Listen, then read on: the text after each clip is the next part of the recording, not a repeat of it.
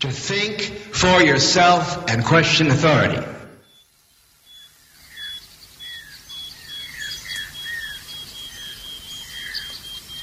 No i jest leśna kraina. Ja nie wiem, czy mnie dobrze słychać, o mnie dobrze słychać. Nadzieję. Ja tu sobie jeszcze... Och, już pokręciłem mikrofonem.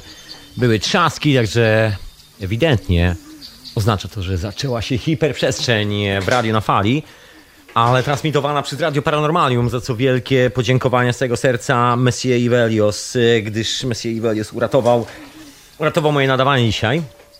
Bo my tu jeszcze szaleję, właściwie ja tu jeszcze szaleję z serwerami radia na fali, jeszcze kilka rzeczy jest tu w drodze. Tak, od razu postanowiłem i nie tylko ja z księciem, że zrobimy globalne porządki. Jeszcze czas jest naprawdę globalnych porządków i to centralnie. Dzisiaj będę trochę, trochę wbijał w ten wątek, mam kilka takich refleksji życiowych, które są dosyć, e, myślę, takie dla mnie, no nie wiem czy istotne, właściwie każda refleksja jest istotna, nie ma refleksji mniej lub bardziej istotnych, chociaż kto wie. Ale tak się, czy siak, spostrzeżenia zeszłego tygodnia. I nie tylko, bo takie spostrzeżenia, które chodzą za mną już od paru lat, o czym tu zresztą nieustannie opowiadam. No i dzisiaj troszkę tych wszystkich rzeczy powrzucam. A dzisiaj o wyprawie do, do siebie samego, tak zwyczajnie. O wyprawie do siebie samego. Jest taka ważna sprawa, myślę sobie. Chyba w sumie najważniejsza sprawa w życiu każdego z nas, żeby wybrać się do samego siebie. Oczywiście możemy żyć w wielu różnych miejscach naszą głową, ale granie, żyć u siebie to chyba najlepsza rzecz. Ile jak wspomnę troszkę o swoim wątku, takim życiowym wątku zabawy w detektywa, jak gdzieś czas sobie śledzę tą cywilizację, chyba wygląda na to, że no prawie całe życie sobie śledzę te wszystkie zjawiska. Wiesz, lasem się zajmiesz. Co za las w uszach. Jest taki ciekawy czas w historii Ziemi, o którym ostatnio tutaj mówię. Z wielu różnych przepowiedni, e, dzieje się wiele. Ja mam tu taką ciekawą zimę w Anglii, że jest tak ciepło, jak nigdy dotąd o tej porze roku. I oczywiście niektórzy tam mówią, że to jest jakiś, e, jakiś problem związany ze zmianami klimatu i to jest tymczasowe i tak dalej. Ja dzisiaj wrócę do tego, bo to też jest zabawna historia. Bo to jest właściwie część tej mojej zabawy w detektywa, którą sobie tutaj prowadzę od lat w swoim własnym życiu. To jest ta moja wyprawa do samego siebie. Związana właściwie z kompleksowym podejściem do rzeczywistości. Począwszy od medycyny. Przynajmniej ja jak zwykle będę przedstawiał wszystko. Po kolei mikrofonu ustawił i tak dalej. Jak zwykle trochę jeziora musi być. No właśnie, no wracając do tego mojego detektywistycznego podejścia. No co by nie było, ciągnie się to już od lat i tak się przyglądam troszeczkę i wygląda na to, że wszystkie sprawy są ze sobą bardzo mocno związane.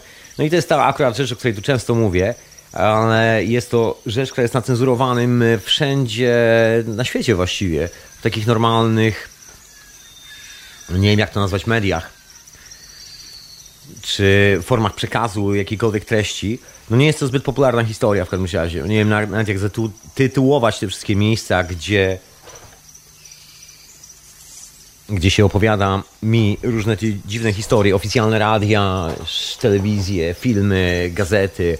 No cała ta zabawa, ja akurat nie jestem specjalnym uczestnikiem te, tego cyrku, także zupełnie to nie wzrusza, ale to nie jest tak, że ja nie jestem uczestnikiem tego cyrku, ten cyrk coś przykrywa. Ja tu nieustannie sobie tak przeglądam, co jest schowane pod tym cyrkiem. Jak próbuję od, odgarnąć się tą kupę śmieci, podnieść ten dywan do góry i zobaczyć, co tam się pod tym dywanem znajduje. Jak mówię, mój dobry przyjaciel, wyjście jest zawsze przez podłogę. No i to chyba jest to dokładnie. Wyjście przez e, podłogę. Ja może zacznę od czegoś, e, tą swoją detektywistyczną historię dzisiaj. W cudzysłowie detektywistyczną. Zaj zacznę od e, tego, że się powinienem chyba rozgadać jakoś do tego mikrofonu od e, opowieści o szczytywaniu danych, o których kiedyś wspominałem tych opowieści, e, w jakichś opowieściach, w dokładce gdzieś tam, gdzieś tam dawno temu. Parę razy się przewinęło. Ale wspomnę jeszcze raz, bo to istotna sprawa dla mojego wątku teraz. Dzisiaj, tu i teraz. Chodzi o zbieranie danych i zachowanie tych danych i statystyki wszelkiego rodzaju. Jeżeli idę sobie z telefonem komórkowym ulicą, przechodzę obok jakiegoś dużego sklepu, supermarketu, jakieś sieci sklepów, cokolwiek, co jest sklejone e, w dużą sieć, no to normalne jest to, że są tam nadajniki, odbiorniki sieci Wi-Fi. A jako, że mój telefon, jak większość telefonów w dzisiejszych czasach, posiada taki układ, że jest widziana przez te nadajniki, GPRS-y i te wiesz, wszystkie historie do namierzania, no to przechodząc obok sklepu, ten sklep sobie szczytuje moje dane, jak wejdę do sklepu, to sklep cały czas mnie śledzi, gdzie ja chodzę z tym telefonem. Ja akurat mam e, takie podejście do życia, że telefon to właściwie leży w domu. Ja nie używam telefonu, jeżeli wychodzę gdzieś na zakupy. Absolutnie. I wychodzę gdzieś na spacer, raczej telefon zostawiam. Rzadko kiedy się zdarza, żebym go brał ze sobą.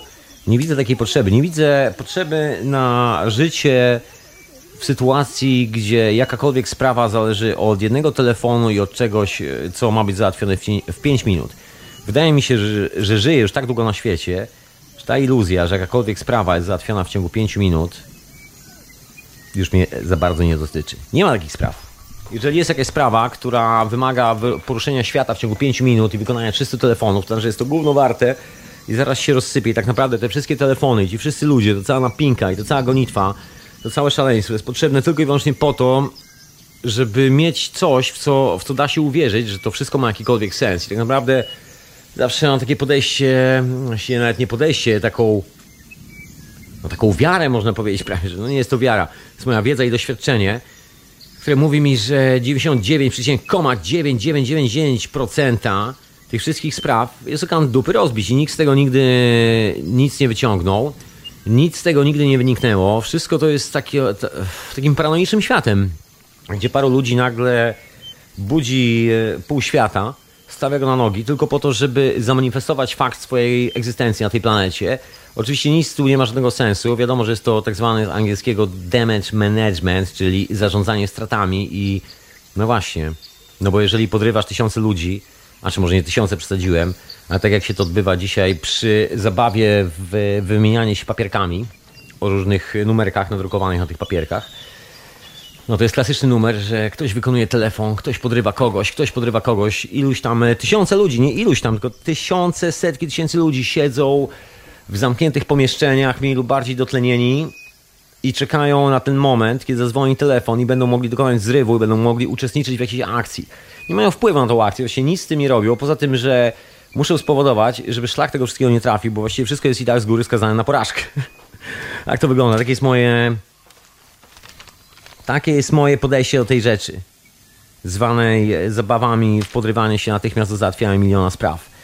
I to jest to szczytywanie danych w supermarketach. I to szczytywanie danych jest po to, żeby ktoś tam kiedyś, nawet nie kiedyś, a właściwie następnego dnia, mógł złapać za telefon, poderwać mi kolejny przysłowiowy milion ludzi z krzeseł, z łóżek, e, skądś, od biurek oderwać, wrzucić ich do jakichś spraw, żeby oni teraz organizowali kawałek historii, który jeszcze się nie wydarzył, bo statystyki pokazują, że Jan Kowalski, przechodząc obok półki z pomidorami, co tydzień, a właściwie nie tyle co tydzień, co parę dni, bo tak często bywa w sklepie, widzimy go na swoich urządzeniach, że jego telefon się nam zgłasza, także wiemy do której półki podchodzi. I ten Jan Kowalski podchodzi do tej półki z pomidorami.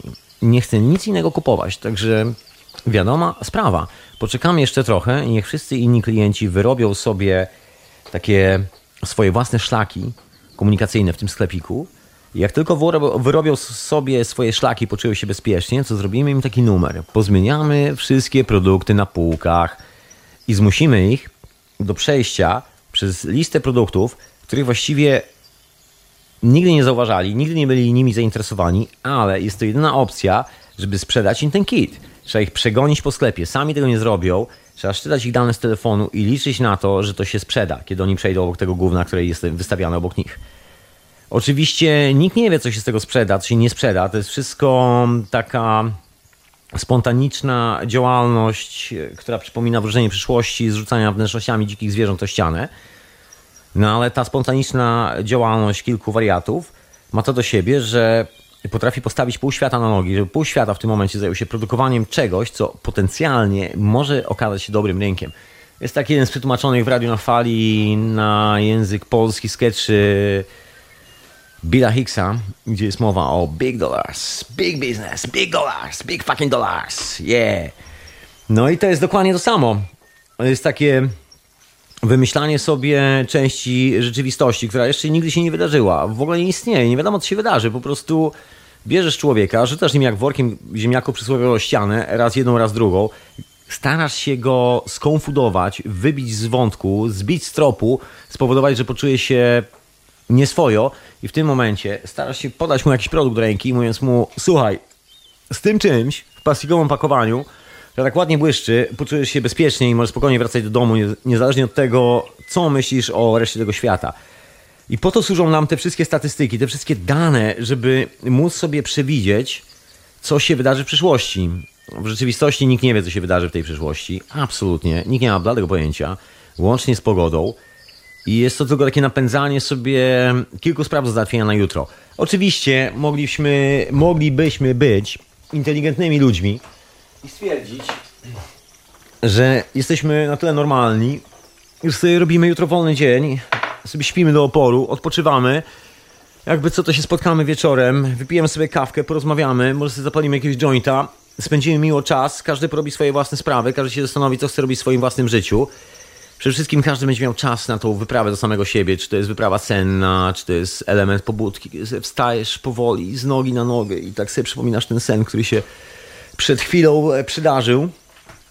No właśnie, to jest ta droga do samego siebie, a tu nagle się okazuje, że właściwie o, jak to połączyć, ten sen, z, tym, e, z tą sytuacją, gdzie ktoś ci mówi, że jutro musi się wydarzyć sprzedaż telefonu nowego modelu albo sprzedaż nowego modelu, nie wiem, mebla, samochodu, czegokolwiek innego. Po prostu jutro musi się wydarzyć coś, co zmieni życie kilku ludzi. To oczywiście nie należy do tych ludzi, bo w Twoim przypadku najczęściej jest to kwestia przetrwania, bo jeżeli się nie sprzeda, to słuchaj, ktoś będzie musiał za to ponieść odpowiedzialność.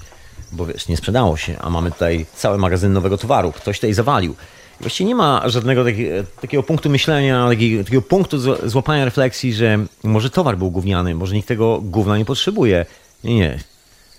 Tej myśli można dopuścić do głowy, ale to jest związane z takim ogólnym obrazem całości. No bo kto potrafi przemyśleć, przewidzieć przyszłość, prawda? Nikt nie potrafi przewidzieć. Ja sobie tak w, na potrzeby dzisiejszego mojego opowiadania do mikrofonu ustaliłem dwa wątki tak, żeby sobie skleić tę historię. Inna sprawa, że one się ustawiły w tym tygodniu same z siebie podczas rozmów z znajomymi i tak dalej, i tak dalej. Wiesz, jak to jest. Jest dużo inspiracji w życiu, jak spotykasz ludzi, rozmawiasz z tymi ludźmi i dużo tematów się pojawia. No i ta historia z przewidywaniem przyszłości i tym, e, jak te algorytmy próbują nas czytać i ustawić świat. Właściwie nie wiem, czy ustawić świat, bo ciężko nazwać ustawianiem świata. To jest po prostu ustawianiem e, w gównianej sytuacji całej armii ludzi, którzy zależą od kilku cyferek na kartce papieru, od danych statystycznych, bo ktoś im nawciskał do łbów że ja jutro przechodząc obok tej półki, jak nie zobaczę tam pomidorów, to kupię czekoladę. Sorry. A się sfrajerowałeś koleś. Naprawdę tam przechodzę tylko pomidory. Naprawdę jesteś tępym frajerem, jeżeli myślisz, że jest inaczej. Inna sprawa, że ja nawet nie mam telefonu przy sobie, także sorry kolego, nie zobaczysz co ja kupuję. musisz patrzeć na kamery, musisz mnie śledzić. Może w tym momencie uda ci się coś przewidzieć. Moje pomidory i kiedy kupię następny raz y, marchewkę. No właśnie, bo tak normalnie to ciężko przewidzieć. No ale wiadomo, że chodzi o reklamę, że nie chodzi też do końca o przewidywanie, chodzi o wybieranie trendu, budowanie tego trendu, jak się nazywa mądrze, czyli budowanie opinii, żeby doprowadzić kogoś do sytuacji, gdzie stwierdza, okej, okay, to jest to, czego potrzebuję, chociaż nigdy tego nie potrzebował. No ale to tylko, to tylko na takim poziomie, że tak powiem, opowiadania ludziom tego, że a, wiesz, zbieramy dane, próbujemy nowe strategie marketingowe, bo w rzeczywistości o czymś tak głośno nie mówi, bo troszkę taki trefny, trefny pomysł, żeby ludzie mówili takie rzeczy, jeszcze się domyślał o co chodzi. Ale wiesz, ja tu mamy detektywistyczną historię, także zaglądam pod dywan, a pod dywanem są takie firmy jak Google, są takie firmy jak Cisco, z wiele różnych dużych korporacji, IBM, Microsoft.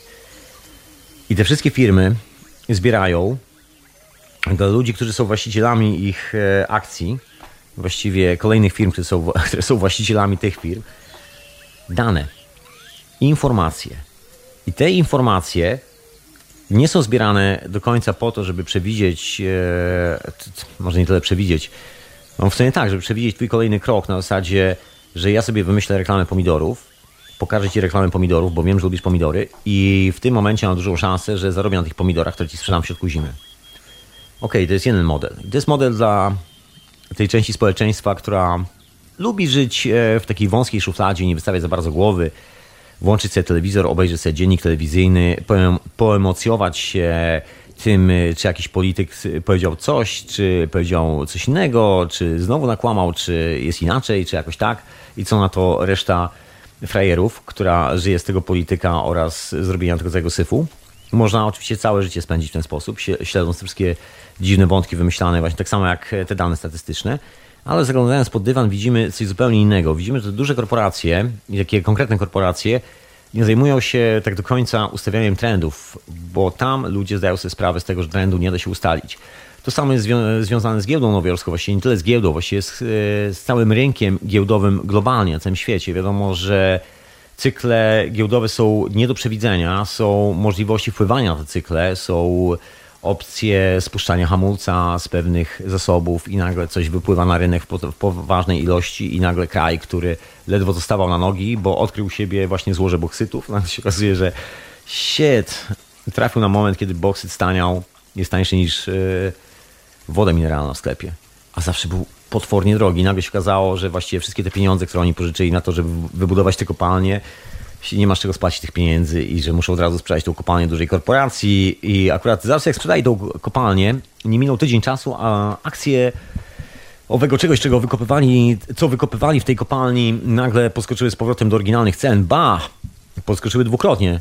I wtedy tamten rząd lokalny sobie pomyślał, okej, okay, to, to może się spytamy, może będziemy mieli lepszą cenę, bo kopalnia jest naszej ziemi. Nagle się okazało, że właściwie rząd nie ma nic do gadania, właściwie rządu nigdy nie było. Właściwie nie było nawet nikogo w rządzie, kto by sobie zadał takie pytanie, bo przecież ten rząd został tam włożony przez tą korporację. To jest taki klasyczny numer wszędzie na świecie, że ludzie się nabierają na nieprzeciętne bajki, bo lubią się nabierać, bo mamy taką naturę, że wychowano nas chyba prawdopodobnie od ostatnich lat, że lubimy się nabierać w każdym razie, bo o to chodzi. No i to jest taki zabawny model, nabieranie się, a za tym modelem co stoi? Analizowanie tych wszystkich danych przez te duże korporacje po to, żeby sprawdzić rzeczywiste trendy.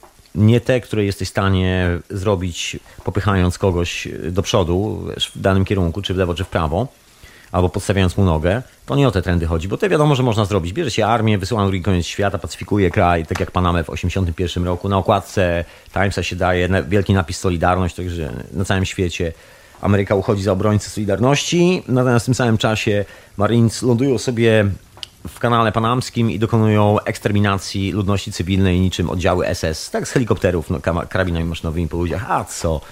Co się będziemy obcyndalać? I to jest e, taki klasyczny numer.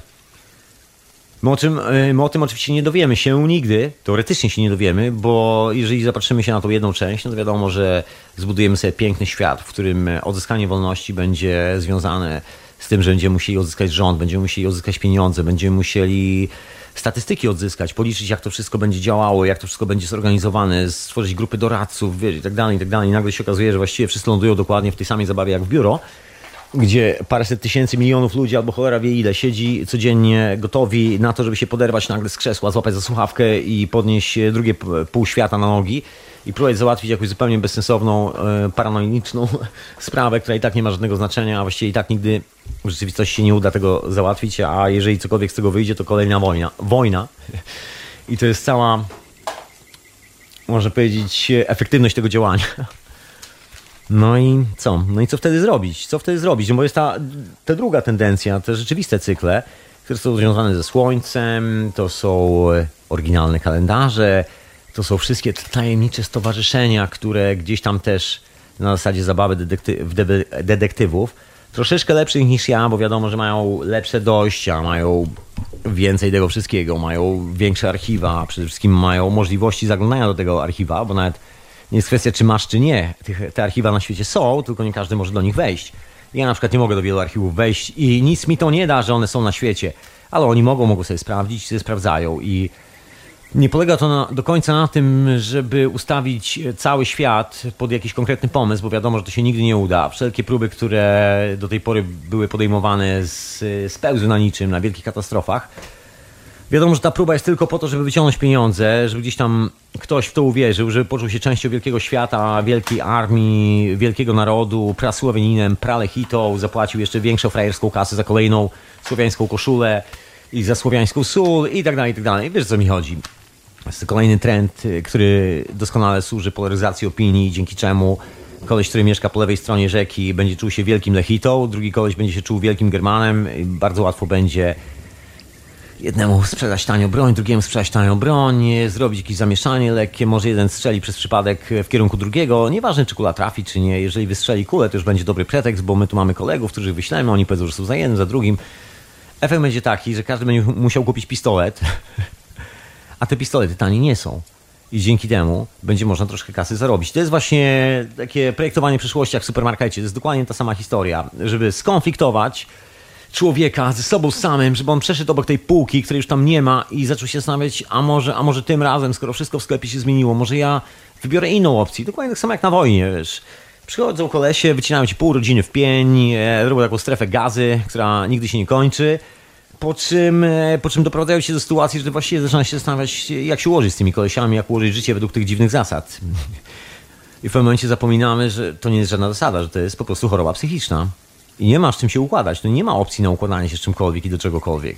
To jest objaw takiej choroby psychicznej ludzi, którzy wiecznie biegną za karierą, sławą, widzą siebie wiecznie adorowanych przez innych. Sami chyba nie mają tej wyprawy do siebie. Jedna wyprawa do siebie wiedzie przez drogę sławy, pieniędzy i wielkiego konta bankowego.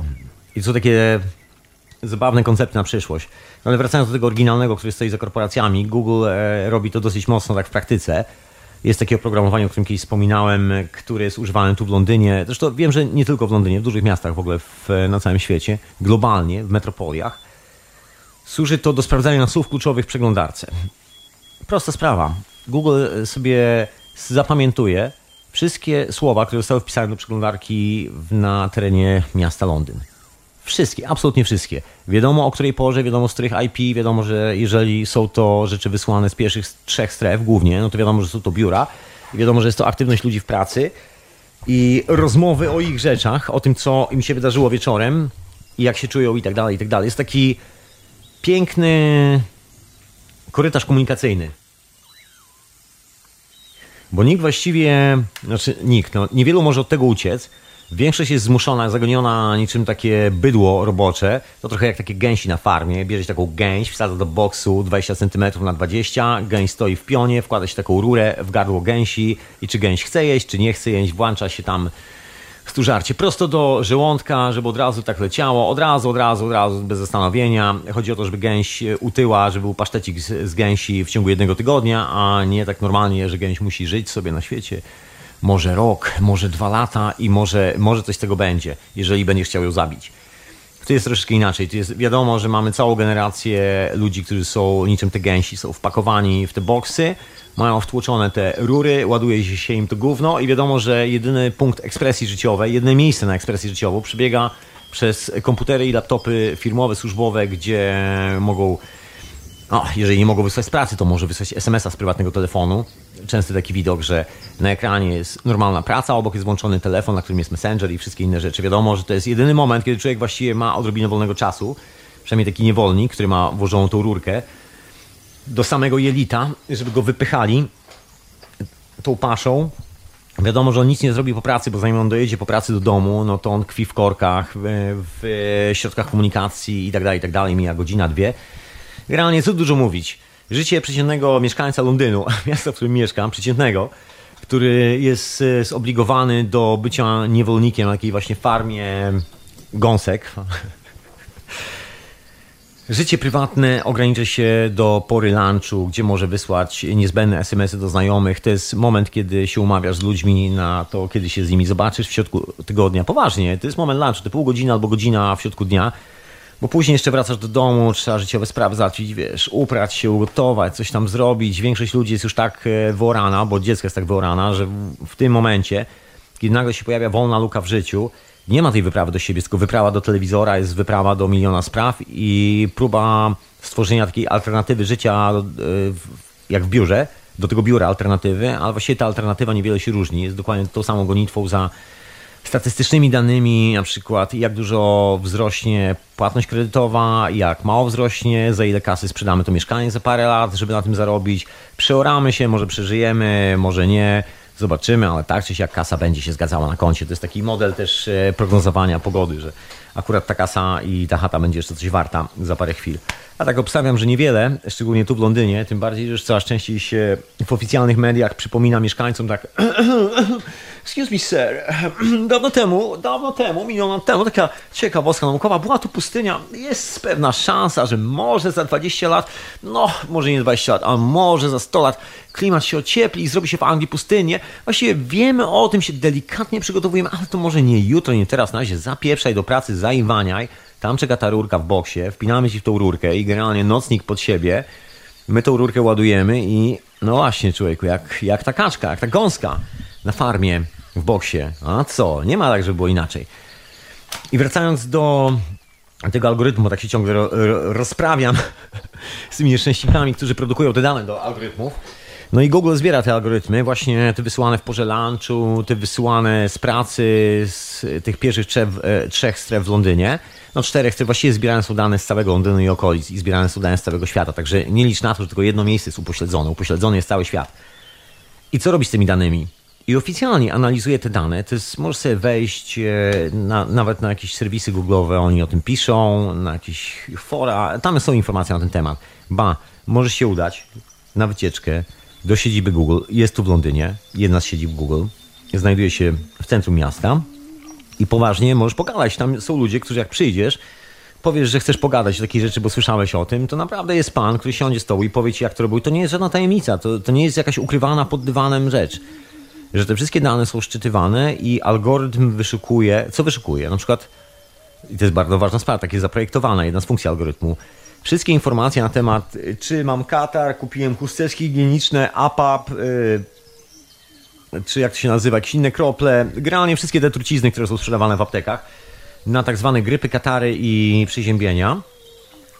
I to jest wszystko szczytywane. I wiadomo, że jeżeli w jakiejś części miasta pojawia się delikatna infekcja, bo ludzie w biurach piszą sobie komunikaty na tych messengerach, wysyłają sobie maile, szukają przede wszystkim w przeglądarce informacji. Jeżeli ktoś ma katar, to wpisuje sobie na przykład chusteczki higieniczne i tak dalej, i tak dalej. I te wszystkie dane są zbierane i szacowane jest, jak na przykład roznosi się i podróżuje taka infekcja wirusowa przez Londyn. Swego czasu, kiedy to zostało ogłoszone, to była nawet taka atrakcja, w ogóle dużo ludzi wchodziło, była nawet taka strona postawiona chyba, nie wiem, tymczasowo przez Google, gdzie można było sobie wejść i zobaczyć, w których miejscach miasta ludzie kaszlą, y, prychają i smarkają, częściej niż w innych miastach. I dzięki temu stwierdzono, że będzie łatwiej oszacować dla mm, lekarza takiego lokalnego, rodzinnego, czy będzie musiał się przygotować na nagły atak choroby, który zwali całe miasto z nóg, bo będziemy już przygotowani. Wiemy, że infekcja idzie z południa na zachód. Zaczęła się na Blackfriars i powoli idzie przez London Bridge, a później podejdzie Lewisham, a później sobie wróci na Dulwich. I z Dulwich być może przegoni się gdzieś w okolice Battersea Power Station, albo i nie. No i w tym momencie wiadomo, wszystkie apteki, które znajdują się po drodze, mają złote żniwo, chusteczki higieniczne i inne takie produkty, czy jakoś tak. Właśnie, ale do czego zmierzam? Bo jak sam zauważyłeś i ty, moja droga słuchaczko, ten algorytm nie zajmuje się promowaniem tendencji. Jest to bardzo ważny algorytm. Ważniejszym algorytmem niż te, które zajmują się promowaniem pewnych rzeczy. Znaczy pewnych rzeczy, promowaniem produktów, reklam i to tego wszystkiego, za co im e, płacą ludzie, którzy przychodzą do obego Google'a.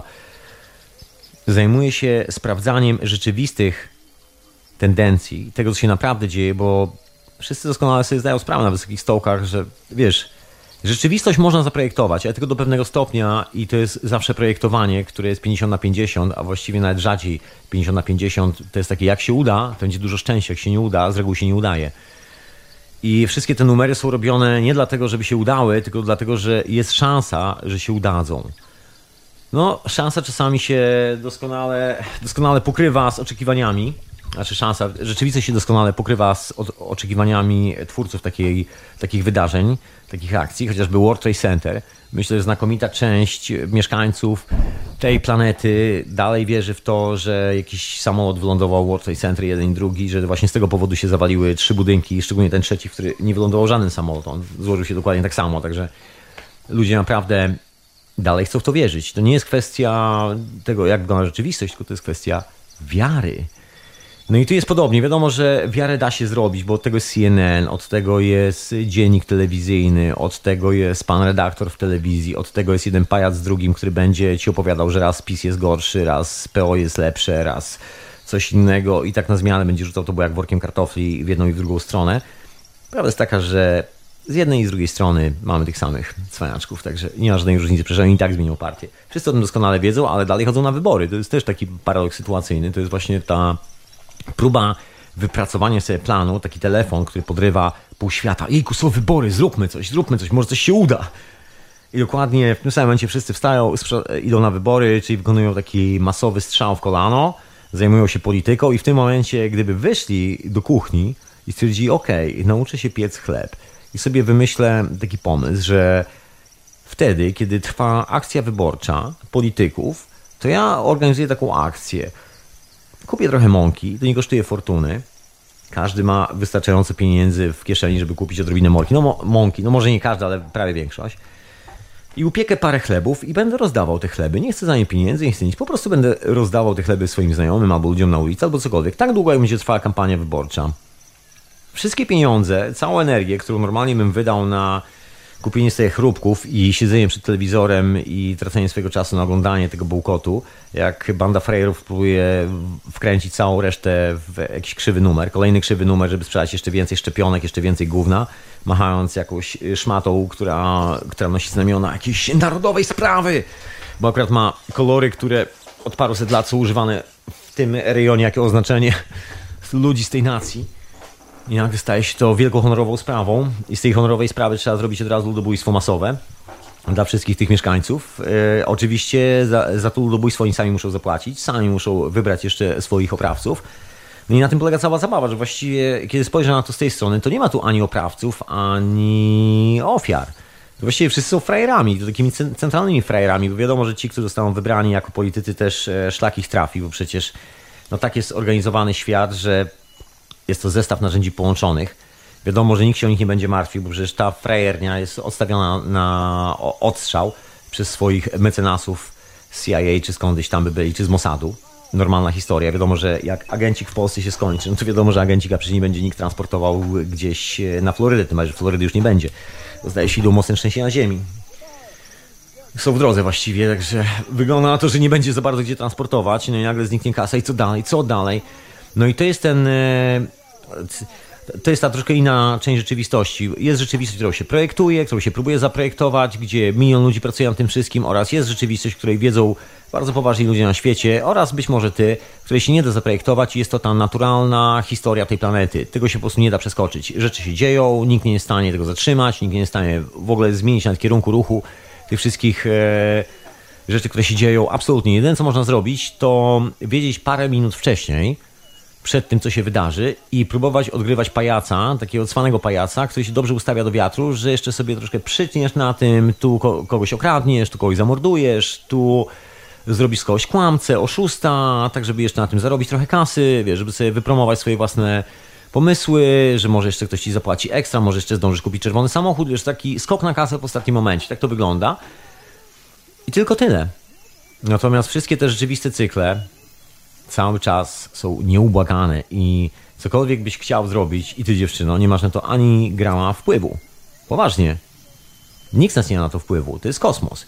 I kosmos się przemieszcza w swoim własnym kierunku i wszystkie te historie dotyczą nas bezpośrednio. Oczywiście jest pewien etap działań istoty ludzkiej, który może spowodować, że siły kosmiczne się zetną z człowiekiem, no może niekoniecznie w taki pozytywny sposób, można powiedzieć e, bardzo destrukcyjny. Jest to moment, kiedy człowiek niszczy swój statek kosmiczny, czyli planetę Ziemia i nagle sobie wymyśla, że, że jego zachowania, że, że jego koncept na rzeczywistość, który polega na tym, że nagle podrywa pół świata na nogi po to, żeby udowodnić sobie fakt swojej własnej egzystencji, że on naprawdę jest ważny, że to coś oznacza, że armia przemaszuje z jednego końca na drugi koniec świata i nagle jakiś generał czuje się szczęśliwy, bo nareszcie ma swoją brygadę, ma brygadę, która maszeruje na mój rozkaz. To tak samo jak ludzie, którzy wychodzą do restauracji, tak już nałogowo, żeby zażerać swoje własne problemy. Wiesz o co chodzi? Są ludzie, którzy nieustannie spędzają całe życie w restauracjach. Ale tak całe życie. Ja nie mówię o tym, że ktoś nie lubi gotować i tak dalej, chociaż no właśnie. To lubienie, nie lubienie gotowania to też nie, jest, nie chodzi o gotowanie, tylko chodzi o ogarnianie samego siebie. Taka jest moja opinia. Wszyscy fajni ludzie, uwierz mi, człowieku. Znaczy nie musisz mi wierzyć, to jest moja własna opinia. Możesz lub nie mi wierzyć. Brzmi tak, że wszyscy fajni ludzie na świecie, naprawdę fajni ludzie, których spotkałem przez całe swoje życie, to są ludzie, którzy niezależnie od tego, czy świetnie gotują, czy naprawdę kiepsko, ale po prostu lubią to robić. Lubią gotować, lubią wejść do kuchni, lubią robić swoje własne rzeczy. Są to ludzie, którzy nie boją się wyprawy do siebie, wyprawy do własnych rąk, do własnej aktywności, do tej, do tej własnej sprawy i nie boją się powiedzieć, że okej, okay, moja sprawa, jakakolwiek by nie była, czy to jest zbieranie znaczków, czy to jest robienie chleba, czy cokolwiek to jest, to jest ważna sprawa dla mnie i to jest moje życie. Szczęśliwie lub nie, zależy dla kogo, dla mnie chyba tak, nie wiem jak dla ciebie. Moja opinia brzmi tak, że wszyscy fajni ludzie mają to w rękach, mają tą fajność w rękach. I to się nigdy nie zmieni.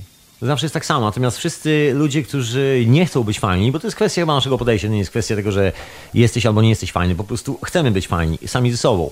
To nie jest taka fajność na sprzedaż, tylko taka fajność ze sobą samym. Jak mi wszyscy tu wychodzą, goście, których tu czasami trochę miewam, to zostaje sam ze sobą i jest mi bardzo dobrze i albo wtedy jest fajnie, albo jest niefajnie. A ja akurat jestem fajnie ze sobą, także a myślę, że stąd się bierze, że mam fajne gości, którzy też są fajnie ze sobą. Też lubią swoje ręce i to, co nimi robią, też lubią e, budować swoje własne życie i też lubią mieć swoją ważną sprawę w życiu i każdy ma tą ważną sprawę indywidualną i to jest to coś.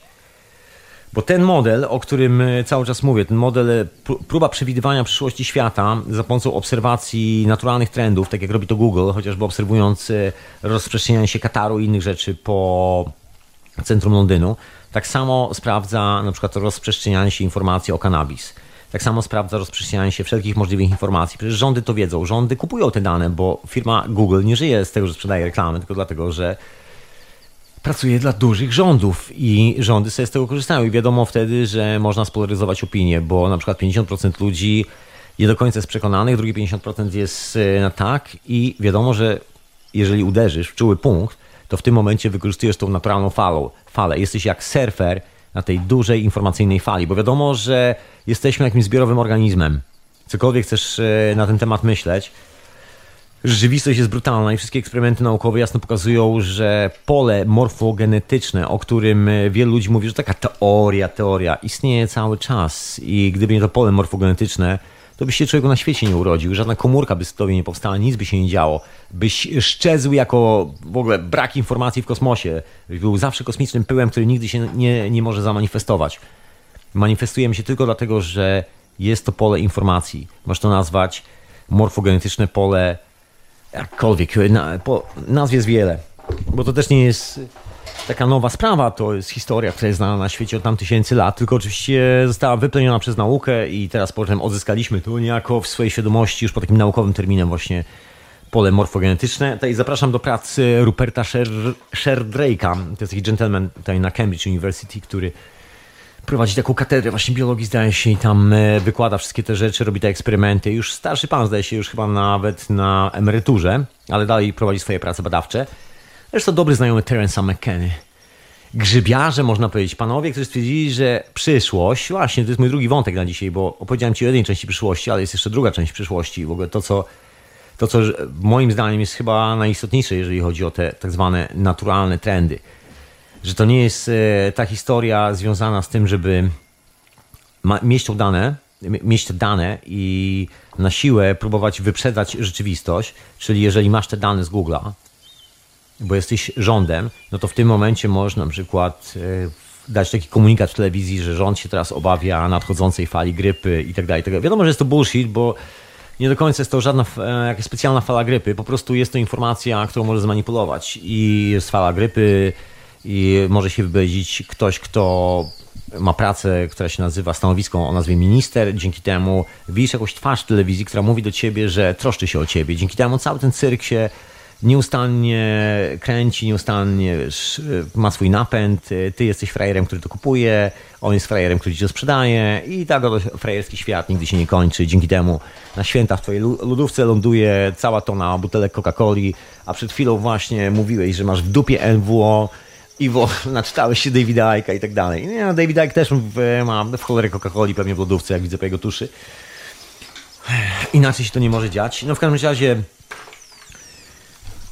to jest ta ofic- e, oficjalna historia. I ta oficjalna historia też nie jest, e, tak jak Ci mówiłem, chowana w tajemnicy jakoś specjalnie przed nami. Wiadomo, że duże korporacje wiedzą o tym, że nie mają wpływu na los świata, nie mają wpływu na tendencje które się dzieją w mojej twojej głowie, nie potrafią wejść do ani mojej, ani twojej głowy, nie potrafią wymyślić tego, co wymyślimy jutro. Jedyne, co mogą zrobić, mogą przeszperać naszą pocztę, przeszperać nasze konta na, na Facebooku, przeszperać e, miejsca na wirtualnych serwerach i sprawdzić po słowach kluczowych i po e, typie danych, czym się tak naprawdę interesujemy i dopiero w ten sposób zostanie stworzyć atmosferę, że są naszymi kumplami. Wiesz, to jest tak jak z tym każdym podpierdlaczem, który kiedy spotyka się w, z tobą wśród jakichś tam wiesz, znajomych, mówi jakim fajnym jesteś chłopakiem, lubi cię w ogóle i tak dalej, i tak dalej.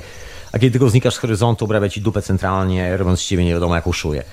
Tylko po to, że ktoś mu za to, nie wiem, wiesz, posmarował, może browara mu postawił albo coś. Wiesz co chodzi. Ludzie mają różne zachowania. To jest dokładnie ta sama historia. To jest dokładnie to samo. Takie wybieganie do przodu, żeby skopać innych. Szybciej niż życie skopie nas. Coś w tym stylu. Taka też dziwna postawa, bo wynikająca z jakiegoś stresu pourazowego. Taka ustawka pod tytułem zawsze musi być katastrofa i jedyne, jedyna opcja, jaka jest na przetrwanie, to jest to, że jeżeli ja nie wytnę tych kogoś przed tym, zanim coś się wydarzy, to potem jak coś się wydarzy, oni wytną mnie w pień. Szaleństwo. Myśl szalonego umysłu. A ja tymczasem zostawię tę myśl szalonego umysłu i włączę jakiś utwór muzyczny, tak się roz, rozgadywuje, rozgadywuje. Zaraz przechodzę do tej drugiej części przewidywania przyszłości, co jest bardzo ciekawe. Bardzo ciekawe. To się łączy z tym e, pierwszym, tym na czym próbują bazować korporacje, na naturalnych cyklach. Jeszcze tylko ci powiem, że w rzeczywistości nie robią tego wróżki. Wróżbici, takich, których obserwujesz na tak zwanych niezależnych społecznościach internetowych, którzy ci, którzy ci opowiadają niesamowite rzeczy. Nie, nie. Tam się odbywa to bardzo mocno naukowo i to tak naukowo, że głowa mała. Radio na fali. E, wie, oczywiście, Radio na fali jak najbardziej. Na imię Tomek, a oczywiście oprócz tego, że słuchasz w Radiu Paranormalium dzisiaj, bo serwery Radio na fali jeszcze troszkę świrują. A myślę, że to związane z pewną sprawą, gdyż Radio na fali po prostu jest nadawane na działających urządzeniach wyprodukowanych według blueprintów e, udostępnionych przez Fundację Kesze i jest to powód, dla którego niektórych strasznie mocno zabolało w dupie i to już tak zabolało w dupie, że musieli chcieli ruszyć kilka, kilka telefonów albo jakoś tak, żeby być bardzo niemili, bardzo, e, że tak powiem, upierdliwi czasami i między innymi takie historie po drodze, ale właśnie jest to związane właśnie z tym e, przewidywaniem przyszłości, z, tym, z tą wyprawą do samego siebie. Ale to może zostawię ten temat, tak czy siak, słuchaj człowieku, czy chcesz w to wierzyć, czy nie, czy masz z tym problem, czy nie. Radio na fali w tym momencie, wszystkie miksery, cały sprzęt, który tu mam, mam podpięty pod magrawy i wszystko działa idealnie. No to też jest taka historia związana z tym, co kto uważa za normalność. Tu zawsze się patrzy na te urządzonka, się śmieje, bo, bo to jest też taka nasza zabawa cywilizacyjna, że ktoś się uparł na to, że, że uwierzy w te szczytywanie danych, że silnik spalinowy, że coś tam, coś tam, coś tam i to w ogóle działa jakoś tak. I cały świat uwierzył w jakąś taką bajkę o silnikach spalinowych, o tym, że coś musi wybuchać. I wszyscy zapomnieli o tym, że wydajność tego urządzenia sięga maksymalnie w takich wyjątkowych silnikach, które i tak nie trafiają nigdy na rynek masowy, około 20%. Czyli mówiąc po ludzku, 80% e, tej konstrukcji służy tylko po to, żeby to gówno się nie rozpadło w momencie, kiedy zajdzie tam reakcja. Nic więcej. Nie produkuje żadnej energii, właściwie tylko pochłania energię. 80% tej energii, która jest wytwarzana w każdym samochodzie, właściwie jest pożerane na to, żeby ten samochód się nie rozsypał na kawałki. To jest fenomen. Tylko szczęśliwie lub nieszczęśliwie udaje się jakieś tam 20-15% przełożyć na to, żeby w ogóle coś ruszyło. I to się nazywa rozwojem cywilizacyjnym. I pracowało nad tym tysiące naukowców. Całe sztaby od 100 lat pracują i dalej nie potrafią tego zrobić tak jak trzeba. dowcip. A ludzie w to wierzą myślą, że właśnie tak powinno być. Że to jest, wiesz, jakieś prawo fizyki, że, że tu, tu jest jakaś logika, że to ma sens. A że naprawdę jest, świat jest zabawny w dzisiejszych czasach i to absur, absurdalnie zabawny. No właśnie, ale to może pominę ten wątek i lecę w ogóle o tej swojej przyszłości, o tym, e, o tym głównym wątku. On też jest sklejony z tymi maszynami, z tym wszystkim. Technologia dookoła nas też jest częścią naszej rzeczywistości. To jest inna historia. A czy nie inna, tylko dokładnie taka sama. To jest wszystko razem. Ale tak czy siak e, okazuje się, że jest jeszcze inna przyszłość. Ta poza tą mierzoną korporacyjnie, ta przyszłość e, poza tą wypromowaną przez tak zwane media masowego rażenia, jest jeszcze ta rzeczywista która nijak się ma do tych wszystkich pomysłów dużych chłopców albo dużych dziewczynek, które nagle postanowiły, że swoją fobię bycia księżniczkami, królewiczami w dorosłym świecie i posiadania miliona służących, którzy będą stawiali cały świat na nogi, bo akurat komuś się czegoś zachciało i właśnie teraz musi dostać i powstaje nowy, piękny rynek zbytu czegoś tam pięknego, bo ta druga osoba na końcu świata czeka na coś takiego. I tak nie wie, co to jest, i tak nigdy z tego nie skorzystał. To jest po prostu ego trip. Anyway, tak czy siak, oprócz tego, tych wszystkich zabaw jest jeszcze ta druga strona. Ta druga strona, która się nazywa globalna komunikacja, to jest to pole morfogenetyczne. To jest ten numer, że wszyscy razem mają rację. I to jest ten główny powód, dla którego te duże korporacje tak zasadzają na szczytywanie tych danych, bo wszyscy doskonale wiedzą, że jeżeli weźmiesz dużą grupę ludzi, taką naprawdę dużą grupę ludzi i pozwolisz każdemu wyartykułować w tym kawałku jego wolnej przestrzeni, która mu jeszcze tam została przypadkiem, kawałek jego, jego własnej refleksji, to w tym momencie, w tym momencie masz prawdziwą możliwość zobaczenia tego, jak wygląda przyszłość, ponieważ wszystkie twoje dane, wszystkie rzeczy, którymi operujesz, operują tylko i wyłącznie na podstawie tego, z czego się składa twój świat dookoła ciebie. Jeżeli jeździsz pojazdem na silnik spalinowy w życiu, nie, nie spróbowałeś innej technologii, chociażby od, od tej strony, no to wiadomo, że albo nie zaakceptujesz, albo nie uwierzysz, albo coś tam, albo ktoś ci obieca lepszy samochód, który będzie mniej spalał i ty stwierdzisz, o, to jest lepsza opcja. Tak czy siak jesteś w innym świecie. Nie jesteś facetem, a nie jesteś kobietą, która szuka rozwiązania. Ktoś kiedyś powiedział, że gdyby ludzie się zebrali na trzy dni na świecie, i to jest chyba nawet powtarzane przez bardzo wielu ludzi, e, powtarzana przez bardzo wielu ludzi sentencja, że gdyby tak się ludzie zebrali chociaż na jeden dzień i stwierdzili, że okej, okay, rozwiążmy chociaż 1% czy 10% nawet maksymalnie wszystkich spraw, które nas trapią. Zbierzmy się razem, mamy wszystkie narzędzia, mamy komunikację i po prostu zróbmy tak, żeby nikogo nie bolało. Okazałoby się na przykład w Polsce, że trzeba szybciutko zalegalizować kanabis, bo przecież kanabis leczy z nowotworów i byłby siet po prostu, jak można to zrobić. W niektórych krajach przechodzi tak normalnie, bo rzeczywistość jest troszkę inna i myślę, że po prostu kraje są mniejsze i też łatwiej złapać polityka za ucho i wytrącić wy, wytarmosić, że tak powiem, nie wpuścić go do pubu lokalnego i, i tak dalej, i tak dalej. On po prostu podlega większej presji społecznej. O to chodzi w tym wszystkim. Natomiast tutaj, gdzie jest więcej ludzi, ta presja społeczna troszkę znika, bo właściwie, właściwie jej nie ma. Wszyscy są zagonieni gdzieś tam w swoich sprawach. To już się robi troszkę mocno anonimowo. E, tak czy siak, ten, te wolne miejsce ekspresji własnej jest tym jedynym miejscem, gdzie pojawia się ten kawałek przyszłości. Bo wiadomo, że jeżeli ktokolwiek cokolwiek sobie wymyśli i wyartykułuje, to tylko tam mu się uda to uzewnętrznić. Nie uda mu się tego uzewnętrznić w biurze, nie uda mu się uzewnętrznić tego w żadnym innym miejscu, ponieważ one służą do czegoś innego. To tak jakbyś chciał reklamować nowe technologie w firmie, która sprzedaje silniki spalinowe. Może skończyć jak John Lennon, który był jednym chyba z największych hipokrytów świata. To był taki frajer, który excuse me John, but that's true który kupował sobie Rolls Royce'y Dokładnie w tym samym momencie, kiedy firma Rolls-Royce produkowała silniki spalinowe do samolotów zrzucających napalm w Wietnamie. I koleś się przybierał w taki mundur żołnierza i protestował przeciwko wojnie w Wietnamie, wsiadając do swojego Rolls-Royce'a, którego zresztą sam nie prowadził, bo miał tego szofera. Także nie, że zatrudnił służbę służącego, bo on, on po prostu nie będzie. On jest zbyt ważny. On chce się przemieścić z miejsca na miejsce i on musi mieć służących, którzy mu zapewnią przemieszczanie się z miejsca na miejsce. Także... Z, prosta sprawa, nie? Ale jak pisał piosenkę, no to oczywiście trzeba było w piosence, że miłość, pokój na świecie i nie będziesz więcej wojen. No ciężko, żeby nie było więcej wojen, skoro całą swoją kasę wywalasz na silniki Rolls-Royce'a, czyli firmy, która właściwie zajmuje się dokładnie projektowaniem wszelkich możliwych wojen, bo gdyby nie wojen, to firma Rolls-Royce by nigdy nie istniała, przecież nie ze sprzedaży samochodu. Zresztą ani ładny, ani jakiś specjalny, ani nic. Tak jakoś. No i to jest taka banalna historia. Ilu z nas jest takimi Johnami Lennonami?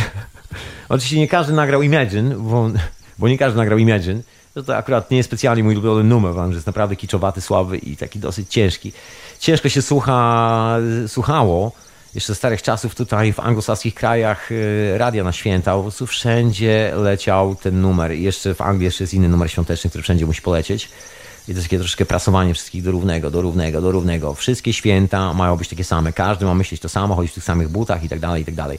Oczywiście są pozory y, swobodnego wyboru. Możesz pójść do sklepu i kupić dowolną listę prezentów z y, tych, które są ci oferowane.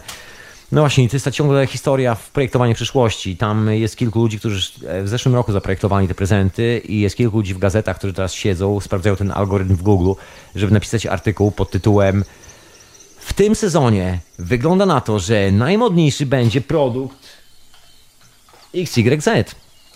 I to jest e, puszczane do opinii publicznej po to, żebyś ty był tym człowiekiem, który poczuje się w obowiązku w obowiązku zrobienia tego produktu jeszcze bardziej modnego, czyli wstawienie go do swojego domu. Czyli musisz po prostu za niego zapłacić. Co dużo mówić, musisz po prostu podjąć e, zabawę, wziąć te gadżety do ręki. Taka wiesz, zabawa. To zawsze szydzę, bo jest taka jedna rzecz, która do tej pory mi z głowy nie wyleciała. Taki największy abstrakt y, i absurd, jaki można sobie wyobrazić. Naukowcy w Szwecji, żeby zbadać procesy zachodzące w naturze, wybudowali kopię jeziora. Oczywiście wybudowali sztuczne jezioro po to, żeby badać naturalne procesy. żeby badać naturalne procesy w naturalnym ekosystemie oczywiście. To wybudowali sztuczne jezioro pod takim wielkim hangarem. Się zastanawiałem, czy sprowadzili tam wszystkie jelenie, które piją wodę z tego jeziorka. Wiesz, w końcu mieli zasymulować wszelkie warunki. Symulacja symulacji. I tak oto badają e, naturalne środowisko, badając symulację naturalnego środowiska. Nieustający dowcip e, z inteligencji człowieka. Jak nisko można upaść? Bardzo nisko. Można upaść tak, że ciężko nawet stać, że można się już, że tak powiem, skleić z podłogą na stałe. Na to wygląda tak jak ci szwedzcy naukowcy. Anyway, rzeczywistość, przynajmniej według mnie, wygląda dosyć brutalnie. Jeżeli jest e, globalna komunikacja, to wszyscy mamy rację. I na pytanie, jak wygląda przyszłość, odpowiedź brzmi zawsze tak samo. Przyszłość wygląda tak, jak wygląda dzisiaj, tak jak wygląda stan naszego umysłu. Nie ma innej przyszłości. Przyszłość jest dokładnie mną w tym momencie, tobą w tym momencie. Jest tylko jedna przyszłość. I oczywiście jedyne, co możemy zrobić z tą przyszłością, to spojrzeć na procesy, które się dzieją dookoła nas. Teraz się przyglądam na taki proces, który za chwilę będzie miał no, finał, można powiedzieć, taki dosyć głośny finał jest proces związany z trzęsieniami ziemi dookoła. Także za chwilę, no już widać, zresztą są chyba bardzo ciekawe newsy aktualnie w gazetach. Wszystko się zaczyna mocno ruszać i to mocno przyspiesza. Ja sobie wyłączyłem dźwięk tak, że w tym momencie nawet gdyby coś wyleciało w powietrze na świecie, w sensie jakiś wulkan, to i tak nie usłyszę. Ale podejrzewam, że właśnie w tym momencie i tak coś strzela do góry, bo jest jakoś tak, że co godzinę, co dwie godziny wybucha jakiś wulkan aktualnie. Się potężna e, aktywność Ziemi się odbywa, chciałem powiedzieć. Potężna aktywność się aktualnie odbywa. No i ta zabawa w tym momencie, w te wszystkie historie związane z cywilizacją, z wymyślaniem sobie nowego celu w życiu, który jest nowym produktem, naprawdę brzmią bardzo irracjonalnie. Tym bardziej, że jedna przyszłość, jaką mamy, to jest przyszłość, którą sobie zrobimy za pomocą, przynajmniej w mojej opinii, wyprawy do samego siebie. No nie ma innej przyszłości. To przyszłość się składa z mojej ważnej sprawy jeżeli moja przyszłość nie składa się z mojej ważnej sprawy, to nie mam już swojej własnej przyszłości. No to jestem jak wszyscy ci gentlemani i lady żyjący newsem z porannej gazety, opowiadanym sobie w różnych wariantach w pracy, później wysyłaniem SMS-a do przyjaciół, w którym dokładnie poruszasz tą samą sprawę, o której było w gazecie, po to, żeby się spotkać już nieco bardziej kameralnym, prywatnym gronie, pod koniec tygodnia zalać pałę i przy okazji zalewania tej pały, żeby nie było, że jest mocno na smutno i nie ma o czym gadać, pogadać o tym, o czym e, napisał redaktorzyna w gazecie, bo akurat się okazało, że Google wyrzucił informację, że naturalnym trendem w mieście Londyn jest kupowanie sobie zielonych butów. I w tym momencie wszyscy dyskutują na temat zielonych butów. Takie wrzucanie tematów zastępczych. Jest taka permanentna zabawa po prostu. Akurat z tą zabawą taką historię, że za każdym razem odwiedzając inne wymiary za pomocą substancji o nazwie LSD i nie tylko, miewam, e, miewam wizję w postaci animacji. Takich pięknych, kolorowych, potężnych animacji. Sobie zawsze obiecuję, że pewnego dnia, pewnego dnia chciałbym to zrobić. Może tak, nie, nie, nie wiem, czy to zrobię, ale chciałbym chociaż jedną z tych animacji sobie zrobić, bo są niesamowite. Mam nawet gdzieś tam szkice, trzymam czasami, jak wracam z takiej wyprawy, z takiego tripa poważniej, to gdzieś tam kolekcjonuję parę tych rysunków. Idealnie to pamiętam, bo są to takie rzeczy, które nigdy nie wylatują z głowy. O ile mogę zapomnieć, kto jest na banknocie, no to z y, tych wizji absolutnie nie da się zapomnieć i są to niesamowite filmy animowane, takie bardzo prześmiewcze, bardzo takie rysunkowe, karykaturalne postacie, bardzo mocno karykaturalne i zawsze dzieją się takie ciekawe, ciekawe scenki. Jest takie no, przekomiczne, można powiedzieć. Takie wersje troszeczkę folwarku zwierzęcego czasami. To trochę tak jakby ktoś wziął w jakiś naprawdę bardzo fajny, miły, strasznie kolorowy y, sposób zanimował i sportretował współczesną rzeczywistość. Więc opowiem Ci jeden z takich, e, jeden z takich filmów, w cudzysłowie filmów. Więc e, sceneria wyglądała tak, że wiesz, taka planeta, Ziemia, planeta Ziemia, takie zasnute niebo na horyzoncie i taki horyzont taki wygolony, wręcz spalona Ziemia i to tak centralnie spalona i na horyzoncie widnieje taka, no nie metropolia, tylko ciężko nazwać to metropolia, taka potężna, wielka fabryka wielkości miasta, takie, kolu, e, takie kominy ciągnące się jak kolumny do samego nieba, a nie aż tak wysokie, ale takie potężne, śmierdzi, brud.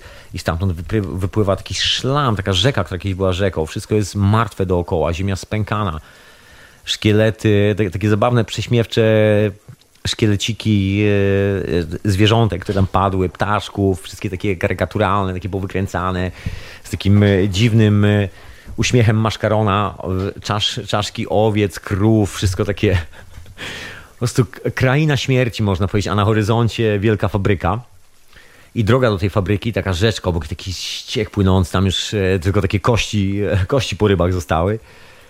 I tak sobie drogą z tej fabryki dziarsko maszeruje taka kompania. Kompania składa się z dwóch dżentelmenów. Jeden taki malutki, bardzo młody, można powiedzieć taki młodzieniec, 16 lat, czy jakoś tak, czy 17, 18, jakoś tak, taki dziarski mały i taki duży, doświadczony już dżentelmen, który zdaje się być jego mentorem, jego ojcem dokładnie, który jest właścicielem tej fabryki taki wypasiony, wszyscy tacy tłuści, takie kuleczki, postacie zrobione z kuleczek, takie małe nóżki, wszystko takie okrąglutkie, jest spasieni, bo chodzi o, o, to, że po prostu wiecznie przeżarci, wiecznie coś jedzący, tacy spasieni, okrągli.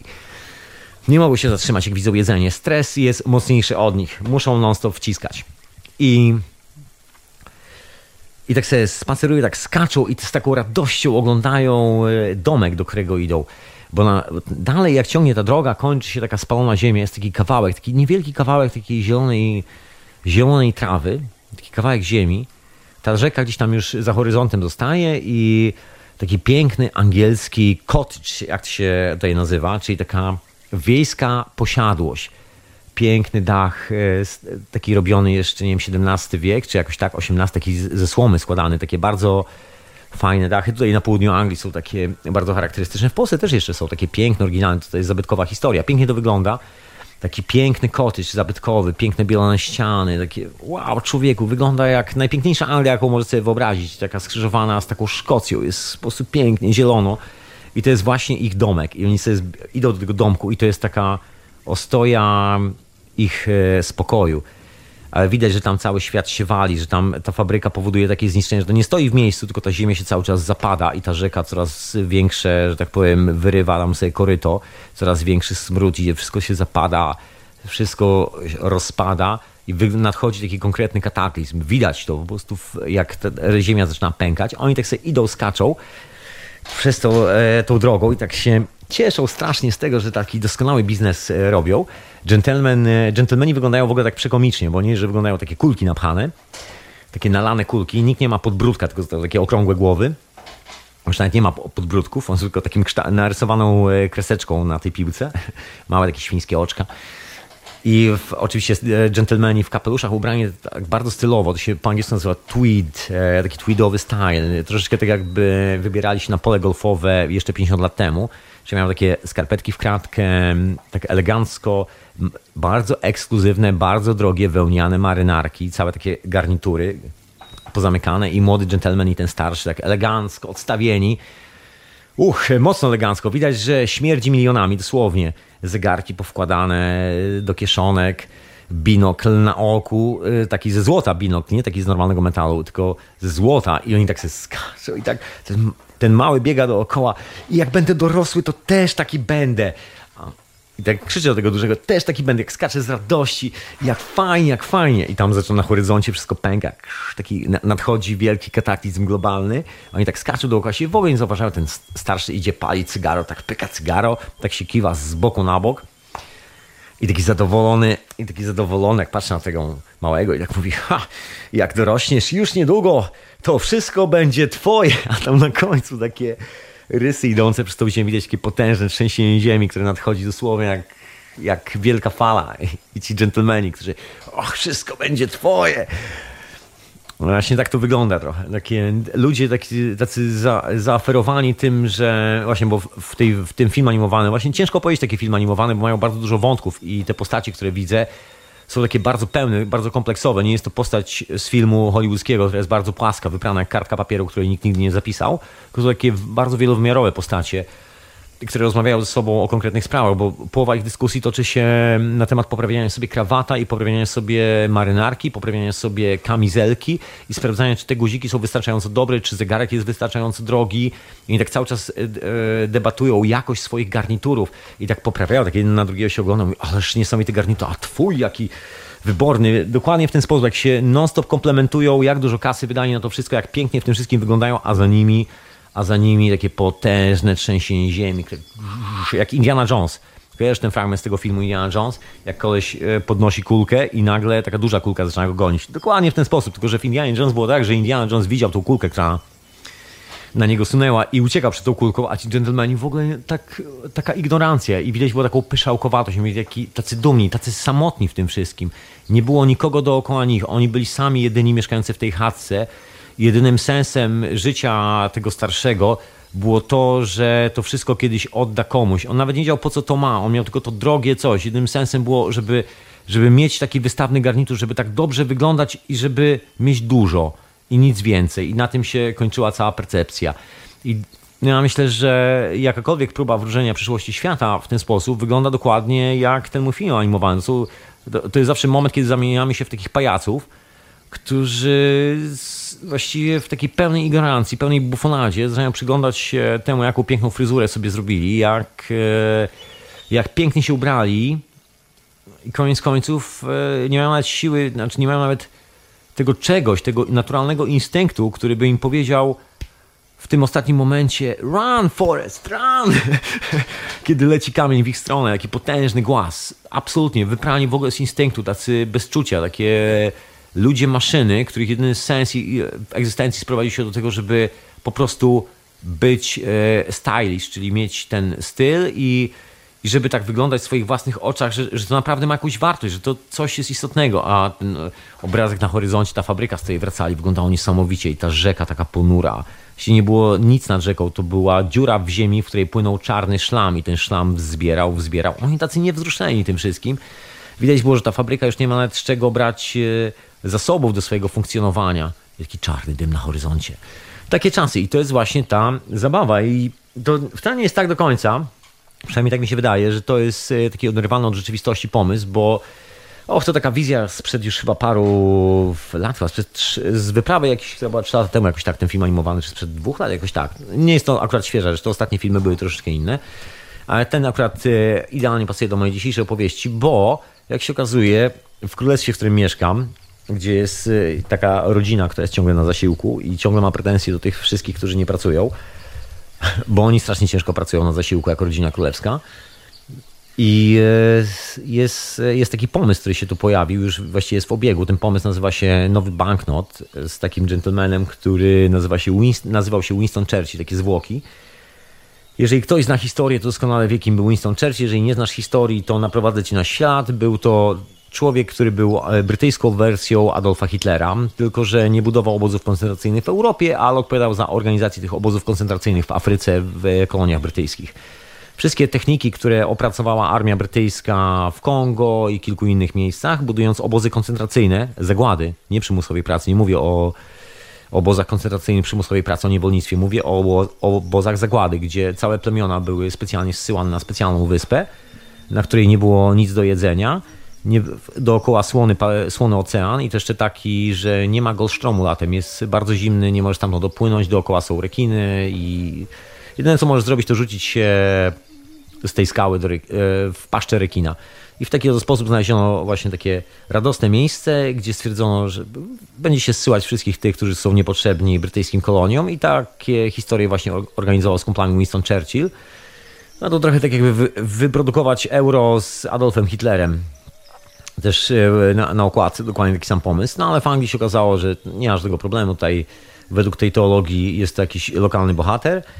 No i co się okazało? Te pieniądze, ja nie pamiętam dokładnie jaki element tych pieniędzy, bo też niespecjalnie siedzę wiesz, w kwestiach finansowych. Szkoda mi mojego życia. Jakoś uważam, że moje ważne sprawy nie są ważnymi sprawami bankierów, także też nie chcę mi się nawet o tym myśleć. Natomiast okazuje się, że wprasowano do tych banknotów pewien element, bo oczywiście trzeba zachować e, coś takiego jak oryginalność banknotów, czyli że były ciężkie do podrobienia, No i jedno, jeden element, który tam się pojawił, nie wiem co on tam właściwie robił, nawet nie chciałem się tego czytać. Excuse me za, za moją, przepraszam za moją ignorancję, ale wiesz, to sprawy Babilonu, które mam centralnie w dupie. Generalnie konkluzja jest prosta. W tym banknocie użyto substancji, która jest pobierana z, z, ze zwierząt. Po prostu pieniądze ze zwierząt, mówiąc bardzo wielkim skrócie. To nie jest e, wcale taka metaforyczna historia, tylko dosłownie, żeby wyprodukować te pieniądze, trzeba zabić jakieś zwierzanki, trzeba wziąć z nich substancje. No i teraz y, zastanawiając się tak, jak chłop na rowie, jak ja mu z krową rozmawiał, taka prosta logika. Właściwie wróciliśmy już do czasów, kiedy wróci... No tak, chyba osiągnęliśmy poziom nie wiem, kamienia pierwotnego, człowieka, który krzesa ogień z w jakiejś jaskini. Dokładnie. Dawniej przynajmniej się wymienialiśmy skórami, które miały jeszcze jakiś sens zwierząt, jeżeli taka wymiana istniała. I ta skóra miała jakiś sens, bo właściwie nie trzeba było produkować dodatkowej tony papierów, robić biurokracji, biura Banku Światowego, 30 korporacji, wiesz, wykonać wszystkich tych dziwnych manewrów, zaangażować pół miliona ludzi na całym świecie, żeby wywołali kolejne wojny, żeby akurat ta waluta poszła w górę i tak dalej, i tak dalej, wymyślać giełdy nowojorskiej. Wiesz, zabijałeś zwierzątko, zdzierałeś futerko, i wymieniałeś się na futerko. No to teraz wróciliśmy do punktu e, wyjścia i właściwie, żeby było zabawniej, już e, obsługujemy zdartym futerkiem ze zwierzątka w postaci banknotów, czyli właściwie no tak, no ale po drodze się pojawiło coś jeszcze. Po drodze nam wyrosła cała instytucja zwana cywilizacją. Nagle się okazało, że wróciliśmy do punktu startu, czyli z powrotem handlujemy skórkami ze zwierzątek i one mają dla nas największą wartość, jak się okazuje. Tylko, że po drodze wyrosły instytucje, które spisują wszystkie te dane związane ze skórkami ze zwierzątek. I jak się okazuje, ktoś teraz jest właścicielem tych skórek ze zwierzątek, już nie my, my tylko się nimi wymieniamy. Zabawna sprawa, ale to też taki obraz cywilizacji, że zawsze świadomie lub nie, nie chcę w tym momencie podnosić tego wniosku na, do dysputy, ale jeżeli chcesz znać moją opinię, uważam, że to jest zrobione świadomie. Głupi ludzie tego nie robią. To chodzi o składanie ofiary. I ta cywilizacja jest niczym innym jak tylko składaniem ofiary z człowieka, składaniem ofiary z każdej żywej istoty. To są główne monoteistyczne religie na świecie, które dotyczą tylko i wyłącznie oddawania hołdu postaci jakiegoś lokalnego bóstwa, który jest nieprzeciętnym skurwysynem, którego jedyną, e, jedynym marzeniem w życiu jest po prostu wziąć i wyrżnąć wszystkich w pień, wszystkich tych, którzy nie kłaniają mu się w pas. I generalnie, jeżeli stary nie, nie zabijesz swoich dzieci, nie zabijesz innych ludzi w jego imię, no to no, nie pójdziesz do nieba, dokładnie. I to jest dokładnie ta sama historia. Ta sama historia. Wszyscy teraz. Yy... Cóż, składamy ofiarę ze zwierząt. To równie dobrze możemy wyprowadzić nasze chomiki, wiesz, koty, psy, ktokolwiek co tam ma, wyprowadzić je na ogródek, zrobić jakieś duże ognisko i spalić rytualnie, wiesz, tak. A co? Czemu nie? Czemu nie? W końcu, wiesz, ofiara musi zostać spełniona. Tymczasem spełniamy ją w banknotach, także szczęśliwie brytyjski rząd pomyślał o tym, że nie, nie, żebyśmy nie robili tego tak dosłownie, bo jeszcze ktoś by puknął się w głowę i zapytał, zaraz, zaraz, o co tu w tym wszystkim chodzi? Mamy 2016 rok, latamy w kosmos od ponad 50 lat, e, stacje orbitalne wiszą z ludźmi nad Ziemią, wiesz, mamy niesamowitą technologię, tutaj kończyny odrastają, dzieją się cuda, niesamowite rzeczy, nanotechnologia, wiesz, komunikacja bez, y, bez wireless i tak dalej, i tak dalej. Mhm. Nagle się okazuje, że nie ma możliwości wyprodukowania banknotu, który jest nie do podrobienia za pomocą współczesnej technologii, kosmicznej technologii.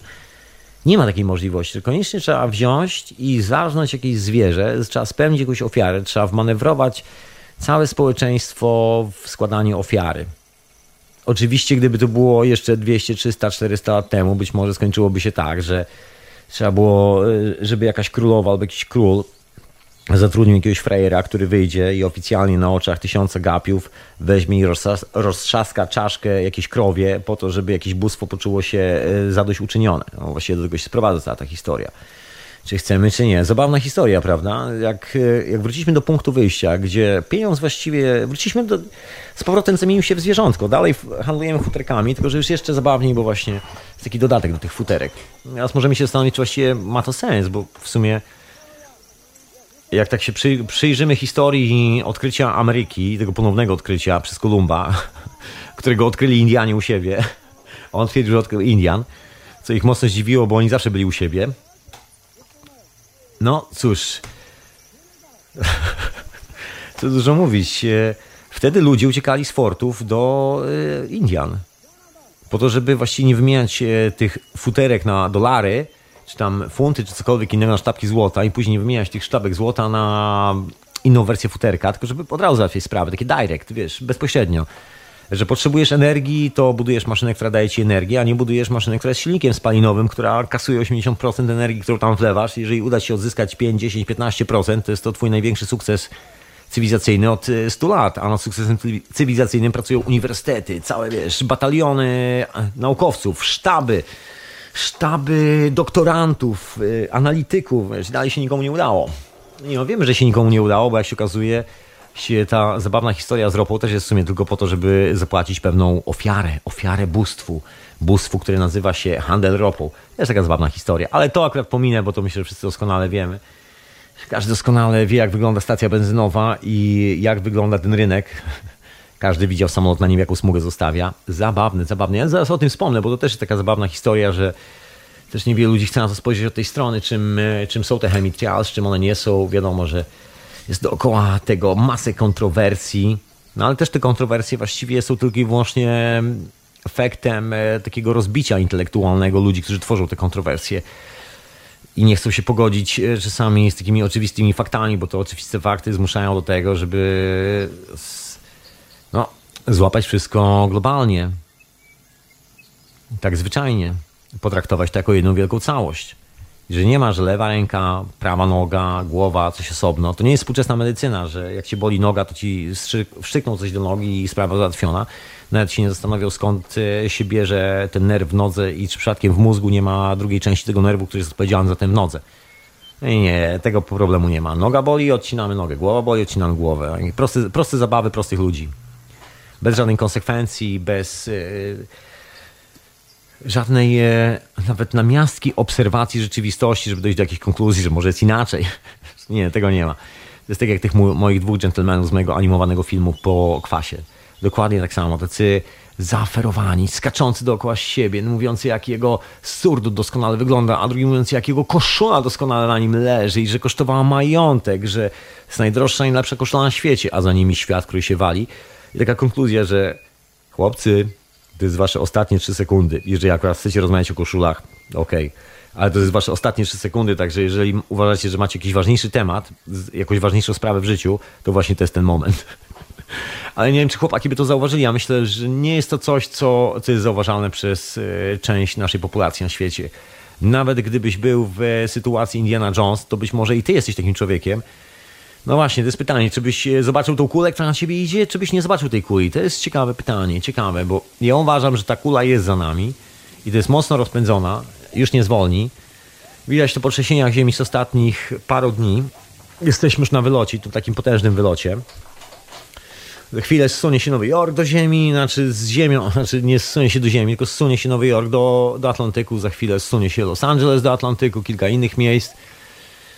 Także wygląda dosyć, e, dosyć ciekawie. Mamy tą piękną, wielką, śnieżną kulę, która z nami goni, właściwie kamienną kulę, tak jak w Indianie Jones. Jak już mam się powołać na Indiego, to niech będzie ta kamienna kula. No i teraz pytanie, czy my w tym momencie powinniśmy się zajmować swoim własnym surdutem? Czy nie jest trochę tak, że gdybyśmy olali te surduty, olali ten cały bullshit, to nagle byśmy wskoczyli sobie spokojnie w tą globalną komunikację, gdzie wszyscy mamy rację. Razem wszyscy się zgadzamy, razem wszyscy wiemy o co chodzi. Nie chodzi o to, że budować kołchoz, bo absolutnie nie w tym rzecz.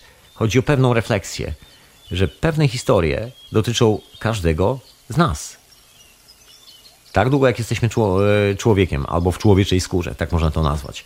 Także ta globalna komunikacja na poziomie morfogenetycznym może załatwić bardzo wiele spraw i przypadkiem może być tak, że tą najważniejszą sprawą i tą ważną sprawą w naszym życiu jest dokładnie wskoczenie w tą globalną komunikację ze sobą samymi, a nie w ten moment zabawy i opisywaniem sobie, jak pięknie nasze surduty leżą na naszych klatach, jak drogie mamy marynarki, jak fajnie wyglądamy i czy środowisko, do którego właśnie wchodzimy, zaakceptuje nas tylko dlatego, że mamy tą drogą marynarkę, czy nas nie zaakceptuje. Jest ciekawa historia. Historia jest dosyć prosta. Jeżeli chodzi o wróżenie przyszłości, Właściwie, jeżeli jestem u siebie i mam swoją ważną sprawę, to nie potrzebuję znać przyszłości, bo jest mi do niczego niepotrzebna od tej strony. Jeżeli znam te wszystkie ważne sprawy, to i tak żadna mnie nie ominie, bo szczęśliwie, znając ważne sprawy, jestem w sytuacji Indiana Jonesa i zawsze wiem, że jakaś kulka za mną goni, że jakaś kulka goni.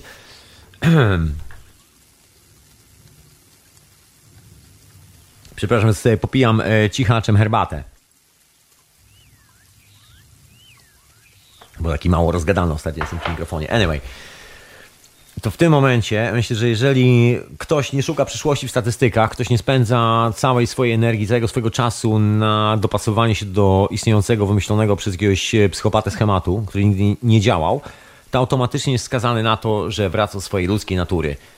Automatycznie wskakuje do globalnej komunikacji i wszyscy w tym momencie mają rację. On ma też rację, jeżeli czuje jakieś, e, jakieś rzeczy, jakieś przeczucie jakiś sen, coś go nadchodzi, to zawsze ma te ekstra 15 minut do przodu i te ekstra 15 minut jest bardziej wartościowe do przodu niż e, cała ta historia zbudowana przez algorytmy, przez przewidywanie korporacyjne, przez szukanie, no nie wiem czego, nie wiadomo czego w tych algorytmach poprzez nasze portfele. No bo oczywiście tendencja jest taka, żeby stwierdzić, że jeżeli na czymś nam zależy, to oczywiście wydamy na to pieniądze i jest to doskonały model, którym można obserwować zachowania społeczne przynajmniej sprawdzać tu, y, takie sprawy, które są dla nas ważne, no, co jest dla nas ważne, a co nie jest ważne. A tu się okazuje, że waga może być zupełnie gdzie indziej. Waga może wyskoczyć spoza portfela i w tym momencie cały świat się załamuje. Bo co się stanie, jak waga życia wyskakuje spoza portfela? No, wracamy do samego siebie, to jest ta ważna sprawa. Wyobraź sobie właśnie wracając do tych moich pomysłów na wybory, że widzisz, są pajace, które siedzą i całe życie się zastanawiają przed wyborami, w trakcie wyborów angażują się w to, wiesz, deliberują, dyskutują, nakłaniają, czasami biorą kasę na to, żeby przekierować ruch ludzki w jedną albo w drugą stronę, bo ktoś im obiecał nie wiadomo co dalej w portfelu. A widzisz, to jest e, globalna komunikacja i w tej globalnej komunikacji jest zupełnie inna historia. Tu ludzie funkcjonują zupełnie w inny sposób, bo po co, po co komu po co komu polityk? Dokładnie. To jest taka ciekawa historia. Przecież jak nie będzie tego polityka, nie będzie tej energii, która będzie szła za darmo wszędzie, trwoniona, na darmo właściwie. Sorry, ja tu ciągle kopię ten mikrofon, wiesz, bo mam e, nowy statyw, taka jest prawda. Okej, okay, przyznam się. Na moment jeszcze odejdę od tematu. Powiem Ci skąd te wszystkie hałasy. Mam nowy statyw i próbuję się ogarnąć z tym statywem, bo jest taki świeży, że jak się obrócę, to gdzieś stuknę tym statywem i ciągle przestawiam. Ostatnie poprawki mikrofonu i wracam do tych wyborów. Okay. No więc historia jest banalnie prosta. Zamiast angażować swoją energię, swój czas w to wszystko, nagle pieczesz chleb albo robisz obiad. Przez tydzień czasu. Czas trwania wyborów. Ostatni tydzień. Zbierasz dubsko w troki, nieważne czy dobrze gotujesz, czy źle. Jeżeli nie gotujesz dobrze, to znać kogoś, kto gotuje dobrze i będziesz wtedy mu kroił marchewki, będziesz obierał. Zawsze w kuchni potrzebny jest ktoś do brudnej roboty. No może nie zawsze, ale przy dużym gotowaniu zawsze pomaga. Dodatkowa para rąk, wiem o tym doskonale. Jak gotujesz, to też o tym doskonale wiesz. No i wyobraź sobie, że w tym momencie, kiedy nadchodzą wybory, wszyscy ci kolesi, którzy na cenie są strasznymi no, tempakami, o, nie wyobrażam sobie, znaczy nie do końca, bo część z nich bierze za to kasę, to są tak zwani dziennikarze oraz wszyscy ci, którzy zawodowo przez e, kawałek czasu przed wyborami, po wyborach oraz w przerwie między wyborami opowiadają o polityce. To są wszyscy ci ludzie, którzy w trzecim zdaniu podczas rozmowy z tobą wymieniają nazwę jakiejś partii politycznej i mają pretensje do świata, że ta partia polityczna coś zrobiła, coś, co im się nie podoba. A jak się okazuje, sami chodzą na wybory. I teraz sobie wyobraź, że w moment, kiedy ktoś musiałby włożyć energię w wybory, kiedy dzieje się coś ważnego, nagle nasze życie, nasze losy od tego zależą, nagle nagle ty wychodzisz i mówisz, wiesz co, znikam z tej imprezy, idę gotować zupę. Albo znikam z tej imprezy, idę upiec chleb. I nagle połowa ludzi, wystarczy, że połowa, wystarczy nawet 20%, upiecze sobie chleb, ugotuje zupę i wyjdzie z tą zupą na ulicę i ją rozda, zwyczajnie, albo da komuś kanapkę chleba, po sąsiadach nawet jak się przejdzie. Nawet po tych wściekłych sąsiadach zapuka drzwi i powie, stary, wiesz co, nie za bardzo cię lubię, ale to akurat nie jest kwestią mojego lubienia, nie lubienia. Uważam, że każdy, niezależnie od tego, czy ja go lubię, czy nie, powinien zjeść raz w życiu fajny, smaczny chleb. Upiekłem fajny, smaczny chleb to jest twoja połówka, ja sobie dostałem drugą połówkę, smacznego. Nie musimy sobie mówić dzień dobry, do widzenia, tak czy siak, wiesz, jest okej, okay. smacznego, to wszystko. I może by się później okazało, że ludzie zaczęliby mówić sobie dzień dobry, do widzenia i ta e, sytuacja pomiędzy nimi nie była już taka spolaryzowana i nie musieliby rozmawiać ze sobą za pomocą telewizora i pajaca w telewizji, który mówi im, co polityk robi albo i co po, powinni myśleć Bo to jest takie myślenie, jak ważna jest dla ciebie sprawa i jaka sprawa jest dla ciebie ważna. Wiadomo, że jak włączysz telewizor, okazuje się, że najważniejszą sprawą nie jest zrobienie kupy, kiedy ci ciśnie, tylko jest e, nowa ustawa, która wchodzi. A w rzeczywistości ta ustawa jest głównowarta, bo i tak idą takie trzęsienia ziemi, że za chwilę te wszystkie pajace, które mm, sprzedały swoje matki, swoje dzieci, wszystkich przyjaciół dookoła bandzie frajerów, bo tym, tym jest właśnie praca dla polityki. To jest praca dla handlarzy niewolnikami. Jeżeli pracujesz dla polityków, pracujesz dla polityki, piszesz newsy polityczne, redagujesz jakikolwiek kawał gówna związany z polityką, to nic innego poza hodowlą niewolników nie robisz. Sam jesteś tym niewolnikiem i produkujesz kolejnych. Przychodzi banda frajerów, płaci ci kasę i ty masz zgiąć kark i robić im promocję, bo jak o nich nie powiesz, to świat o nich bardzo szybko zapomni, bo się okaże, że nie mają nic do roboty i nie są nikomu potrzebni. Także tylko dzięki tobie to frajerstwo się buja po świecie. I tak długo, jak będziesz o nich pisał, tak długo, jak będzie gazeta, gdzie tematem będzie lokalna partia albo jakieś przepisy, które wprowadza i tak dalej. Tak długo będziesz frajerem i niewolnikiem, tak długo będziesz częścią tego łańcuchu pośrednictwa niewolnikami, handlu niewolnikiem, nawet nie handlu, bo to właściwie już chyba dobrowolne niewolnictwo jest w tym momencie, na tym etapie, tak to wygląda. I nic się nie zmieni. I zapomnij, żeby ktokolwiek kiedykolwiek zmienił twoje życie. To jest właśnie twoja przyszłość. I podejrzewam, że jeżeli wskakujesz w taki numer e, i w taką wersję przyszłości, to chyba lepiej było, jakbyś zaczął już teraz zbierać pieniądze na to, żeby wykupić sobie karnecik w Google, żebyś miał dostęp do tych wszystkich analiz, bo automatycznie odcinasz się od tej globalnej komunikacji.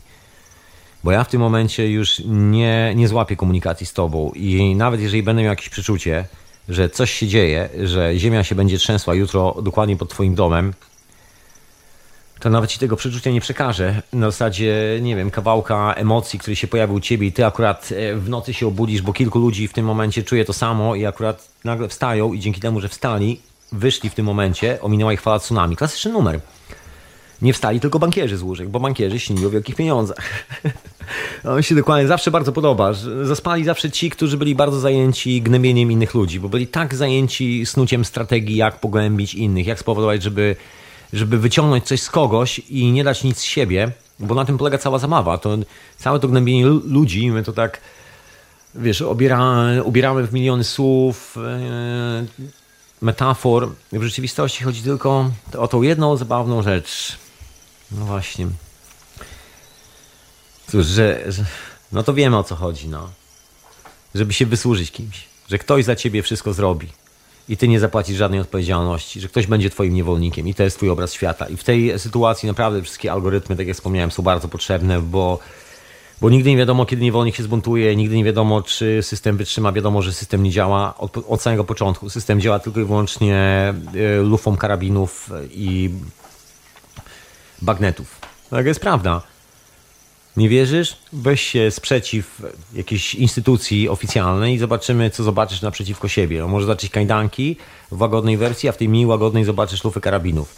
I wyobraź sobie, że jesteś żywą istotą na planecie Ziemia, która urodziła się z kobiety, tak samo jak te pajacy dookoła ciebie, które stoją z tymi karabinami, ten e, frajer, który robił tą całą politykę, wymyślał ten świat, doprowadził, jest, jest autorem tego gówna, tak samo jak ci politycy. Każdy frajer prowadzący rubryki polityczne, piszący o polityce, robiący to gówno jest dokładnie autorem tego samego gówna, E, którego autorem są politycy. Odpowiedzialność spada na wszystkich, to się nie zmienia. Bo gdyby w tym momencie zamiast o polityce napisać o tym chlebie i wyjść i zrobić ten chleb, to może by się okazało tak, że no nie byłoby już kolejnej ustawy. To jest zawsze ta zabawa z wyborami, o której ludzie mówią, że trzeba iść na wybory, bo to coś zmienia. Nie, nie zmienia. To jest tylko angażowanie frajerów po to, żeby byli jeszcze bardziej, jeszcze większymi frajerami, bo gdyby 99% ludzi nie poszło na wybory, nagle zmążeli i nie sfrajerowali się, okazałoby się, że polityk musi wyjść na ulicę bez żadnej ochrony, bo wiesz, ochrona bałaby się pracować z facetem, na którego nie zagłosowało 90% ludzi na, w, na danym obszarze. Wyobraź sobie, że jesteś kolesiem, który mieszka w małej wiosce i nagle wie, i chcesz robić coś, jesteś ważny przez całe życie, tu jesteś ważny, wszyscy się kłaniają w pas, ty tam temu dowalisz, tamtemu, wiesz, dowalisz, tamtemu dowalisz, tego troszeczkę przykupisz, tam cwaniaczysz i tylko dlatego, że masz e, trochę kasy z zewnątrz, trochę ekstra produktów, których nie ma nikt, o których zależy, od których zależy kilka procesów lokalnej społeczności i masz frajerów z karabinami, którzy za tą kasę z zagranicy pracują dla ciebie, ale należą do tej społeczności, tylko dlatego możesz to robić. W tym momencie, kiedy 90% tej lokalnej społeczności mówi ci sorry frajerze, wypad z baru albo porozmawiamy z tobą w inny sposób, W tym momencie możesz tylko grzecznie się spakować i cichutko, nie przeszkadzając nikomu, wejść do tyłu, tak żeby jeszcze nikt po drodze się nie zdenerwował i nie wpadł na pomysł, że będzie chciał się na tobie zemścić. Jeszcze póki ludzie są grzeczni w ten sposób. I sprawa byłaby załatwiona, ale jest to kwestia naszej własnej chciwości, że wyprawa do samego siebie jest chyba najdroższą, najbardziej kosztowną wyprawą w naszym życiu. Nie dlatego, że kosztuje pieniądze, nie dlatego, że kosztuje cokolwiek, chociaż, e, chociaż tak, właściwie kosztuje, kosztuje sukces. E, możesz, możesz szukać sukcesu zewnętrznego, możesz też jako sukces ustanowić e, taki elementarny punkt, przynajmniej dla mnie, czyli to, że znajduję siebie samego w sobie samym. To jest największy sukces mojego życia. To jest moja najważniejsza wyprawa. I tam są moje najważniejsze sprawy. I nie ma innych ważniejszych spraw. Nie ma tak, że wstanę i będę żył e, światem polityki, nie ma tak, że wstanę i będę żył światem banknotów albo innych rzeczy. To w ogóle nie gra absolutnie żadnej roli w moim życiu. I tak długo jak nie gra roli w moim życiu, tak długo jestem ok ze sobą. I teraz jest pytanie, dlaczego świat dookoła nie jest ok? Bo na przykład trafiam na imprezę, słuchaj, i wyobraź sobie, że tam 80% ludzi zaczyna rozmawiać o sprawach, które nie są domeną ich życia.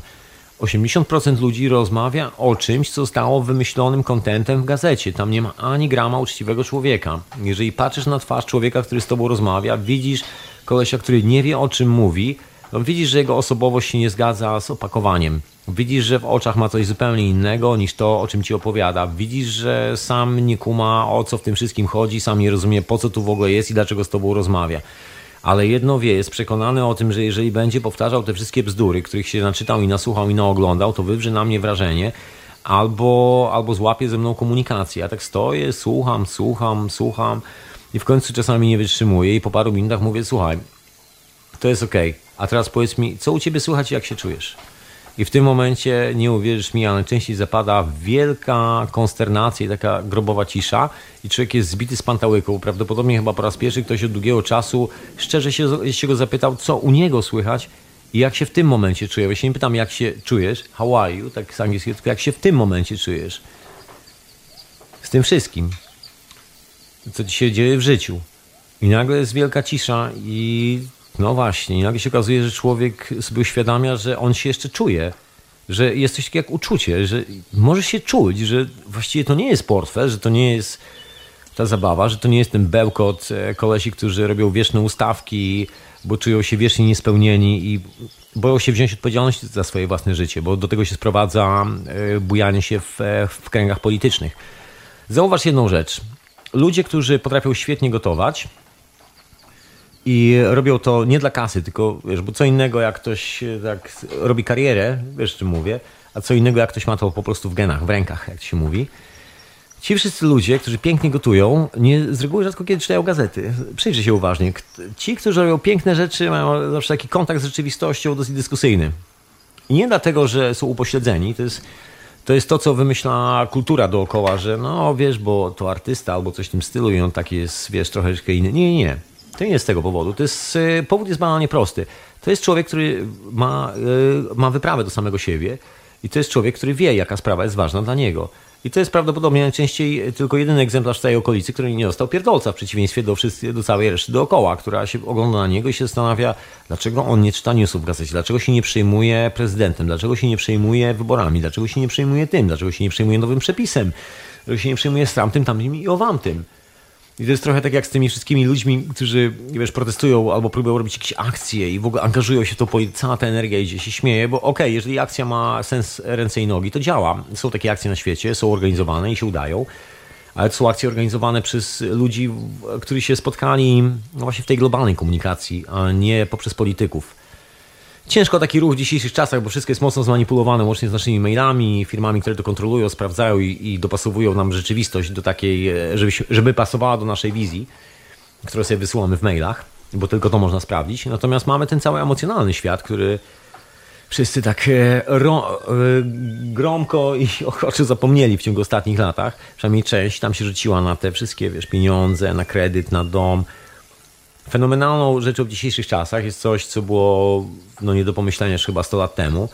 To jest to, że dzisiaj znakomita większość naszych znajomych, sprawdź, Nie wiem, czy akurat u ciebie jest tak, e, tak jak u mnie. Wiesz, chodzi mi ogólnie o taki dosyć szeroki przekrój ludzi, bo mam bliskich znajomych, którzy, którzy są dosyć specyficznymi ludźmi od tej strony, mają swoje własne poglądy, każdy z nich ma wyprawę do siebie, także no nie są to ludzie, z którymi muszę dealować newsy z telewizji, jeżeli ci o to chodzi. Jestem w tej komfortowej sytuacji, że mam fantastycznych przyjaciół, także naprawdę jestem well and done, ale są sytuacje, kiedy trafiam po prostu na normalnie, na ludzi, różnych ludzi, no i widać, że ta komunikacja globalna tam zupełnie nie działa, że, że wszystko jest kwestią uciekania odpowiedzialności za własne życie, uciekania odpowiedzialności od tego, żeby sobie ugotować, uciekania odpowiedzialności, żeby sobie samemu wymyślić wieczór, a nie w, a nie w restauracji, a nie z jakimś tematem, który został już podany z góry. Tego problemu, to w ogóle, wiesz, takie życie indywidualne jest bardzo problematyczne dla, y, dla tej grupy ludzi ponieważ ciągle wymaga tej nieustannej rzeczy, brania odpowiedzialności za siebie, nieustannie, wiesz, bierz odpowiedzialność za każdą czynność, którą robisz, bo tu w tym momencie no nie ma tego wyboru, jesteś i jesteś i tyle. Nie ma, że polityk, nie ma, że stram to, że owam to, są sprawy, które chcesz robić i sprawy, które robisz. I teraz zawsze jest taka prosta linia demarkacyjna pomiędzy tym, co chcesz, a tym, co rzeczywiście robisz i tym, co rzeczywiście ma dla ciebie znaczenie. To jest ten trzeci, najważniejszy punkt. Jak się okazuje z perspektywy czasu, wszystkie te newsy, wszystkie te rzeczy nie mają znaczenia, bo wiesz, zapytam się tego człowieka, co u niego słychać w życiu, jak się teraz czuje i nagle się okazuje, że właściwie człowiek chyba po raz pierwszy się zastanowił na tym od, y, nie wiem, od momentu, kiedy dorósł. Łapie, że faktycznie, wiesz, mam uczucia. I to jest taka próba chyba złapania trochę przez część cywilizacji jakiegoś dziwnego pomysłu na rzeczywistość, żeby wyrzucić te uczucia, żeby zredukować wszystko do jakiejś e, portfelowej historii, zredukować wszystko do takiego stanu state alert consciousness, tak się nazywa. To Graham Hancock często używa tego zwrotu. Bardzo lubiany autor przeze mnie zresztą. Pozdrawiam serdecznie, Graham, jeśli słuchasz. Anyway, nie zna polskiego. I no jest to taki właśnie stan podwyższonej gotowości, że wszyscy żyją na rozkaz, czekają na ten telefon i sami są jakby elementem takiego domina. Ty jesteś popchnięty, popychasz kolejne elementy, tam tysiąc ludzi staje nagle na rozkaz za jakieś sprawy, które nie mają żadnego znaczenia. Po to, żeby nie zwariować tych wszystkich spraw, żeby zachować jeszcze jakiś common sense, jakąś logikę, cytujemy artykuły z gazet pomiędzy sobą, żeby nie gadać już tylko o tej robocie, która nie ma żadnego sensu i, i tak dalej, i tak dalej. I to jest, to jest właśnie to kółko, które jest zamknięte. I wiadomo, że no nie robimy fajnych rzeczy, a teraz to już na 100%. Wiadomo, że kasa, kasa którą się wymieniamy, nie jest czysta. Ta kasa jest produkowana z, ze zwierząt i trzeba zabić zwierzę, żeby wyprodukować pieniądze. I to już nie jest zabicie zwierzęcia po to, żeby zjeść jego mięso, bo dzieci są głodne i zrobić futerko z jego skóry, bo jest zimno naokoło nie, nie, nie. Tu jest, tylko, tu jest tylko po to i wyłącznie, żeby się zabawić w składanie ofiar.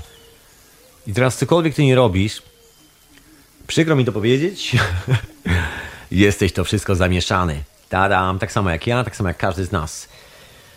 I tu mi się, tu mi się wyjawia, tu mi się wyjawia kolejna wizja, kolejny moje filmy animowane, ale to może, to może włączę jakąś muzyczkę i zanim opowiem Ci swój kolejny film animowany, który mi się pojawił na jednej z wielu sesji LSD, dzięki czemu mogę się zanurzyć w tą komunikację globalną i troszeczkę inaczej spojrzeć na rzeczywistość. Polecam serdecznie, w ogóle uważam, że każdy dorosły człowiek, poważnie, każdy dorosły człowiek, że zanim zostanie uznany za dorosłego, odpowiedzialnego za siebie osobnika w pełni, powinien przeżyć albo trzy sesje ayahuaski minimum, albo trzy konkretne sesje z LSD. Jeżeli tego nie zrobisz, to właściwie jesteś do końca życia takim dzieckiem, rozkapyszonym gówniarzem, który gówno na ten temat wie. Właściwie jesteś pełen iluzji. Twoje życie jest pasmem nieustannych szaleństw i próbie schlebiania sobie, światu nawzajem, kopania się w dupę i niszczeniem wszystkiego dookoła. Bo tak jest skonstruowany świat. Jeżeli nie zobaczysz samego siebie, nie wybierzesz się na taką wyprawę, to moim zdaniem co w ogóle nie ma rozmowy o niczym. Taka jest moja opinia, oczywiście nie trzeba się z nią zgadzać. Ja uważam, w ogóle kilka innych radykalnych, e, mam też kilka innych radykalnych dla niektórych opinii. Także wiesz, nie musisz się z tym zgadzać, jak wspomniałem, niemniej obowiązkowo każdy dorosły człowiek, zanim e, podejmie jakąkolwiek ważną decyzję w swoim życiu, od której zależą decyzje innych ludzi w jakikolwiek sposób, obowiązkowo trzy sesje łaski, albo trzy sesje LSD, albo trzy sesje psylocybiny, albo potężna konkretna sesja i, bo, i bogi. I nie ma w ogóle dyskusji na ten temat. A jeżeli ktoś jeszcze chce bawić się w przepisy, politykę i tego typu rzeczy, tak myślę, że no tak parę sesji i bogaminy i do takich konkretnych. To on musi spotkać duszy, duchy przodków i jak to go nie zabije i się okaże, że jest prawy wewnętrznie i, i nie jest poharatany, nie jest psychopatą, który jest jak te postacie z, z moich filmów animowanych, które mi się w głowie wyświetlają czasami na wizjach, no to wtedy będzie mógł e, pomóc mi podejmować moje decyzje. I wtedy będę miał gwarancję, że nie jest to najbardziej toksyczny element w moim otoczeniu i że ta moja decyzja, która będzie wspólnie podjęta razem z tym gentlemanem, nie będzie krokiem samobójczym. To jest jedna gwarancja. Radio na fali, oczywiście gościnie w hiperprzestrzeni. Absolutnie, co ja mówię, gości, nie gościnie radio na fali, gościnie w Radiu Paranormalium, hiperprzestrzeń, jak normalnie w Radiu Paranormalium, ale dzisiaj nadawane jest z serwerów Radia Paranormalium. Strasznie się plączę.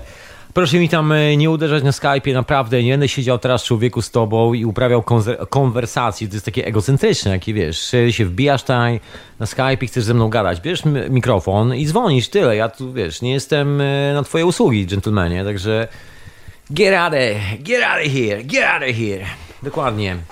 Jak chcesz rozmawiać, to rozmawiaj otwarcie, publicznie, a nie gdzieś po kątach mi tutaj, wiesz, opowieści sadzisz. E, także ja wyłączam wszelkie wszelkie zagadywania skype'owe, które tutaj mi się pojawiają. Proszę o tym pamiętać, że jak mówię do mikrofonu, to naprawdę nie jestem po to, żeby w tym momencie siedzieć i e, klepać do ciebie jakieś prywatne rozmowy. To jest, wiesz, no, takie spotkanie publiczne w salonie, wszyscy się spotykamy, ja też tu wychodzę i się spotykam z tobą, także nie musisz się chować e, w kiblu z tym e, jointem, naprawdę. Możesz śmiało po prostu dorosnąć do tego, żeby zadzwonić, odezwać się i nie udawać, no właśnie, nie chować się wiecznie w kiblu z, z fajką w szkole, wiesz dorośli. Grow up. Do każdej własnej decyzji. To jest, e, to jest myślę taka choroba współczesnych czasów, że się doprowadzono nas do sytuacji, gdzie zamieniono nas w duże dzieci.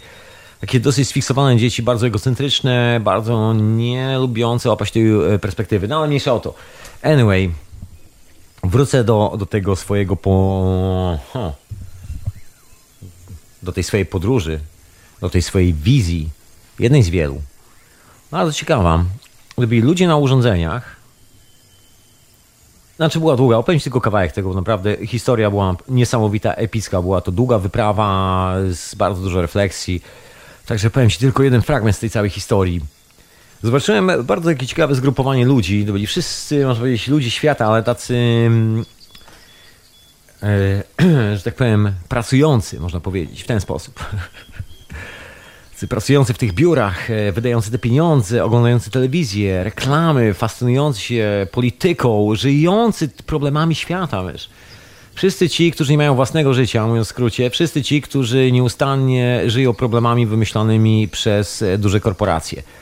I im wydaje się, że żyją własnym życiem. No więc wszyscy ci gentlemani i ladies siedzieli na takich niesamowitych maszynach, które wyglądają jak takie, jak takie mini skutery. Nie miały kół, tak wisiały sobie w powietrzu takie latające, lewitujące maszyny i były to takie maszyny, które miały wmontowany ekran.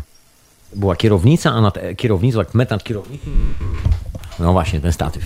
Nie, nie. Nad, met nad kierownicą mieli zamontowany ekran. Taki telewizor, dosłownie telewizor, taki kineskopowy, jeszcze z lampą. I mieli takie urządzenie, które było podłączone do głowy, coś rodzaju słuchawek, ale takie, wiesz, maski na czoło, tak przyczepione, także szczytuje informacje z głowy i oglądali telewizję i oglądali różne rzeczy w tej telewizji. Ja tak się przyglądam, przyglądam, o co chodzi? Oni tacy zafascynowani i siedzą na niesamowitych maszynach. Te maszyny w ogóle lewitują, wiszą w powietrzu, oni tego nie zauważają. Oni szukają rozwiązania jakichś takich prostych problemów pod tytułem jak spowodować, że kółko zębate się nie połamie, jak naoliwić jakiś tam mechanizm, a wiszą na maszynach, które są rodem z filmu Star Trek. Są na kosmicznych maszynach, a nad kierownicą mają zamontowany na jakimś stelażu telewizor, taki stary telewizor i takie czujniki do głowy i w pewnym momencie skumałem, że właściwie oni projektują swoją własną e, rzeczywistość. Że nagle nie złapali, że przez te czujniki, które miały sterować tym statkiem, na którym siedzą, lewitującym, oni się podpięli do tej telewizji i zaczęli sobie wyświetlać swoje własne projekcje, swoich lęków, strachów, wszystkich tych dziwnych rzeczy. I no dosłownie jak w książce Mechaniczna Pomarańcza po prostu się wkleili w tę wizję tej rzeczywistości. Trochę w ten sposób. Taka mechaniczna pomarańcza. Ale w drugą stronę, bo nikt nie musiał rozszerzać oczu i robić tego na siłę, Oni to robią dobrowolnie i w pewnym momencie zauważyłem, że to jest taki krąg, oni tak kręcą, latają w kółko cały czas i nie mogą wyrwać się z tego, z, z tego cyklu, jakby zapętleni. I okazuje się, że ktoś im na początku pokazał jakąś wizję, oni zaczęli ją rozwijać i teraz już właściwie nikt nie musi ich pilnować, bo oni nigdy nie zauważą, że siedzą na lewitujących urządzeniach, że mają niesamowitą technologię, że są w kosmosie, są niesamowitymi istotami. Nagle zapomnieli o tym wszystkim i siedzą jak takie dzieci, sparaliżowane zupełnie, bezwolne, bez żadnej in, własnej intencji, żadnej własnej woli, refleksji własnej, takie bioroboty dosłownie, takie biomaszyny siedzą takie zafascynowane, wpatrzone w ten ekran. Na tych ekranach wyświetlają się wszystkie, cały czas te same sceny u każdego z nich. I każdy z nich przerabia te same sceny własnej nienawiści, ty gdzieś, western, ktoś kogoś strzela, a tamten pada, on się cieszy, ha, ha, ha, zły nie żyje. Tego typu historie. I tak projektują cały czas i nagle się okazuje, że ten film nie jest wyświetlany w telewizorze, tylko jest w ich głowie.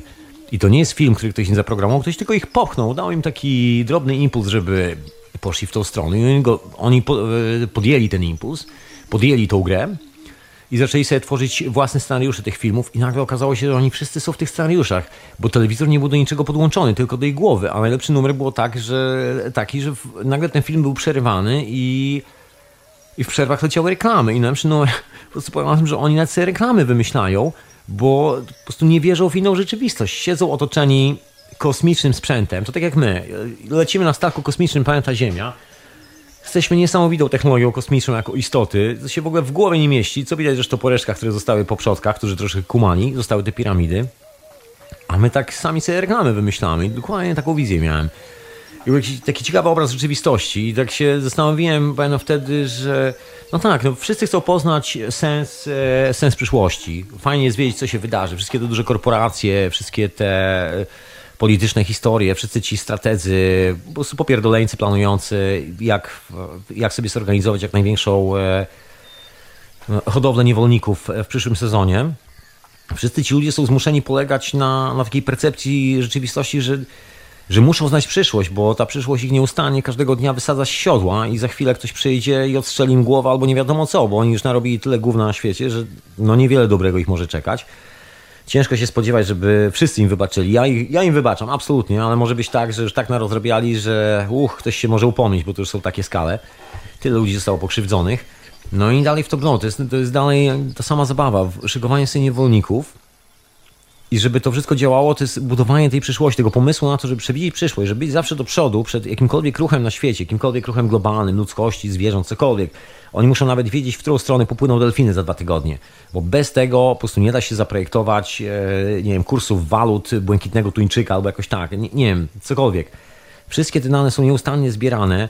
Milion ludzi nad tym pracuje, milion ludzi budzi się rano w strefie, stresie o godzinie 8 rano, żeby dojechać do centrum miasta, przez 8 godzin przewalać te dane, z rytm przyjechać do domu, przewalając dane o szczęśliwych ludziach, przyjechać do domu i opieprzyć e, osobę, z którą się mieszka razem wspólnie. Rozumiesz? To jest ten paradoks, że nagle przerabiając dane o e, globalnej szczęśliwości stajemy się najbardziej nieszczęśliwymi ludźmi na świecie. I najbardziej agresywnymi, przerabiając właśnie te dane o szczęśliwości. To troszeczkę tak jakby malować najpiękniejsze kwiaty, po czym następnie po namalowaniu tego pięknego obrazu, ten peace and love, wziąć ten pędzelek i i po prostu zabić cały świat. Dokładnie w ten sposób. Taka rządza, obsesyjna rządza. I tylko ci ludzie właściwie potrzebują przyszłości. Tak się zastanawiałem kiedyś właściwie, kto potrzebuje przyszłości, bo czy istnieje przyszłość w wymiarze linearnym? To jest głęboko dyskusyjny temat, w ogóle nawet to strony naukowe, bo to już jest pytanie pod tytułem, czym jest przestrzeń, czym jest czas, i jak to wszystko złapać sobie w głowie, jak to zorganizować. Wiadomo, że to nie jest linearne, wiadomo, że mowa o przestrzeni, czas jest tylko jedną z wielu nas przestrzeni, przestrzeń jest e, multidimensional, czyli wielowymiarowa i wiadomo, że nie istnieje pojęcie jednego czasu, to jest to zjawisko pojawiających się, znikających cząsteczek. Nawet nauka się do tego przyznaje, nazwali to fizyką kwantową, że im coś znika i nie mogą zlokalizować. Nie wiadomo jak. Było, nie ma i pojawia się w innym miejscu prostu inne wymiary, inne przestrzenie, wiele przestrzeni, wiele wymiarów. To wszystko naraz w jednym miejscu sprasowane. Między innymi w naszej głowie, w świecie dookoła. Nic więcej. Czyli czy w tym świecie, w którym i tak masz dostęp do wielu wymiarów, potrzebujesz znać przyszłość, właściwie może być tak, że sami jesteśmy przyszłością. To ty jesteś swoją przyszłością, to jestem swoją przyszłością, to ty jesteś osobą, postacią, istotą, jakkolwiek go nie nazwiesz, która korzysta z globalnej komunikacji, jest podłączona do naturalnie, z faktu urodzenia, konstrukcji. Jesteśmy anteną, anteną i nadajnikiem. Jesteśmy podłączeni do, globalnie do tej całej kosmicznej sprawy. Jesteśmy podłączeni do uniwersum. To wszystko to jest uniwers, wszystko, gwiazdy, planetoidy, wszystkie te rzeczy, konstelacje na niebie itd., tak itd. Tak to jest nasz uniwers, do którego jesteśmy podpięci. To jest ta historia. To jest globalna komunikacja.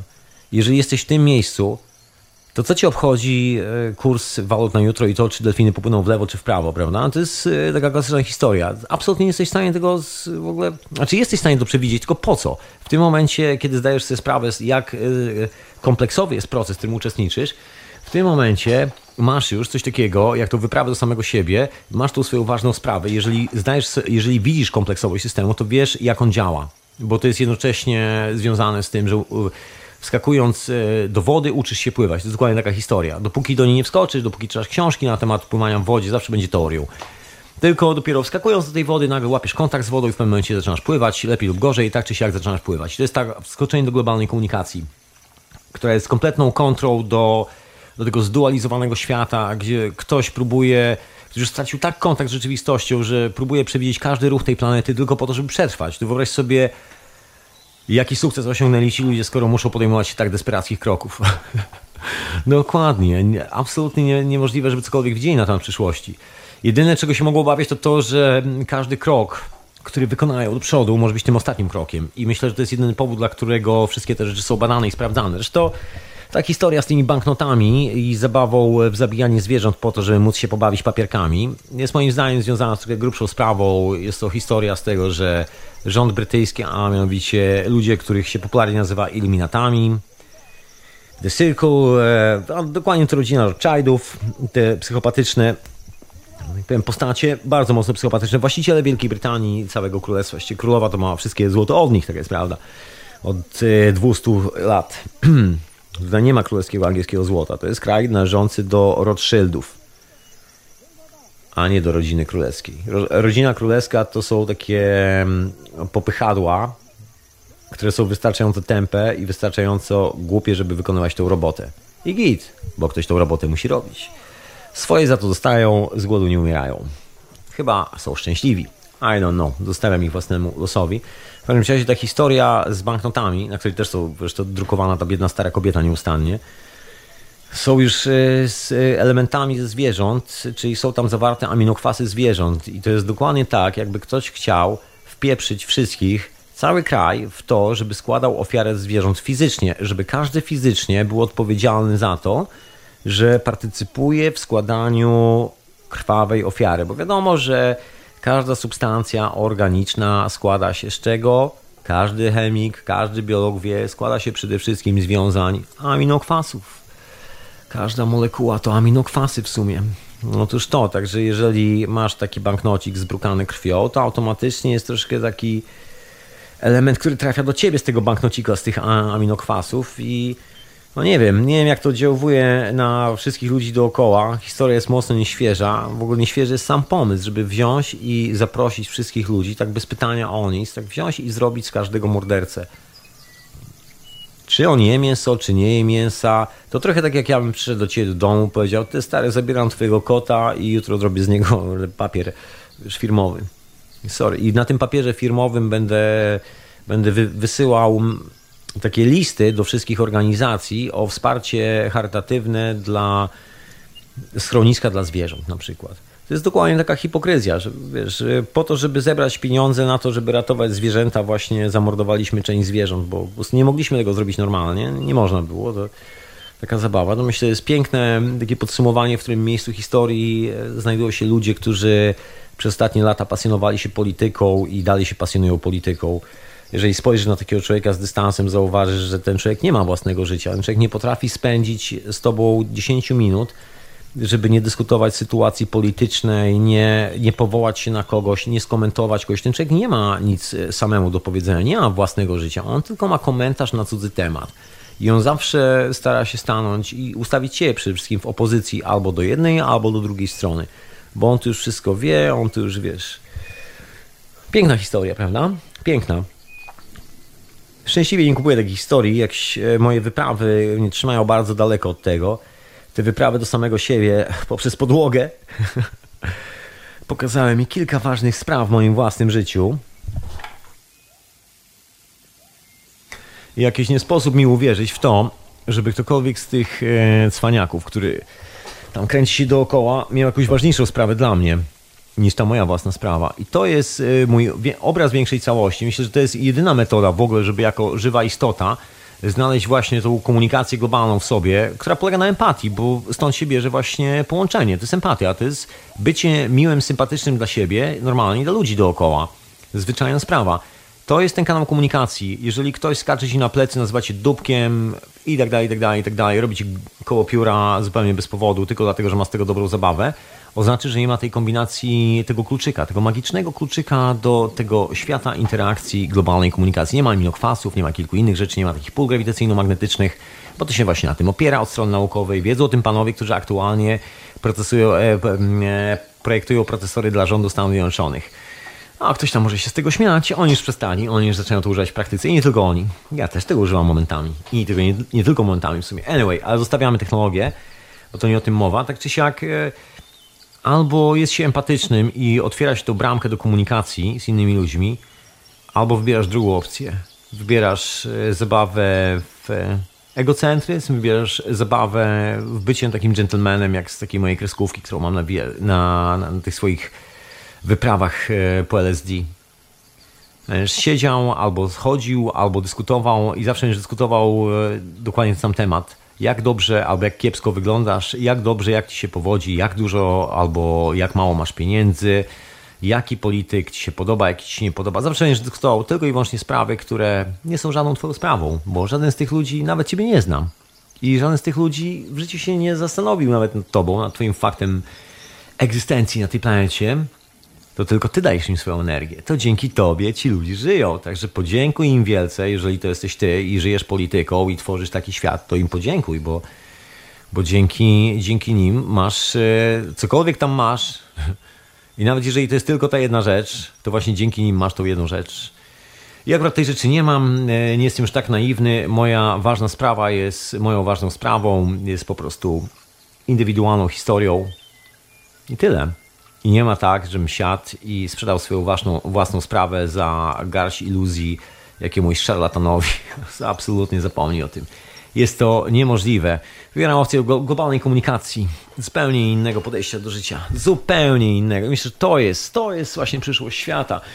To jest dokładnie ta sprawa związana z tym, że kiedy nadejdą jakiekolwiek wybory w swojej okolicy, i czujesz się normalnie, tu upieczesz chleb dla ludzi, nie będziesz rozmawiał o polityce i będziesz rozdawał ludziom chleb, dasz komuś zupę, spędzisz z kimś miło czas i nie będziesz rozmawiał o polityce, tylko będziesz mówił o ważnych sprawach, ale tych naprawdę ważnych sprawach. O tym, jak się czujesz, o tym, co u ciebie słychać, o tym, e, jak chcesz ogarnąć sprawy w swoim życiu, od strony emocjonalnej i tak dalej, i tak dalej. To są, to są ważne sprawy. To jest ta istotna sprawa, jedyna chyba najważniejsza, reszta to taki w sumie dodatek wymyślony przez kilku frajerów po to, żeby utrzymać hodowlę niewolników jak najdłużej jak się da. No właśnie. To ja tą refleksją kończę swoją dzisiejszą opowieść, swoją wyprawę do siebie. Opowieści z wyprawy do siebie, tak, tak powinien to nazwać. I na temat e, swoich ważnych e, spraw. Oczywiście, to są moje ważne sprawy. No nieważne jakie, ważne, że mam swoje ważne sprawy. I ważne, myślę, że ty masz też swoje ważne sprawy. Jeżeli nie są to sprawy z telewizora, z gazety i tak dalej, to są to ważne sprawy. Jeżeli coś pochodzi od ciebie, z samego środka, to właśnie ta jest, to jest ważna sprawa. Jeżeli coś pochodzi z zewnątrz, nie ma zupełnie nic do. Nawet ta zmiana kosmiczna, jeżeli ktoś powiedział, no ale zmiana kosmiczna, przecież idzie z zewnątrz, z kosmosu. Nie, nie, nie.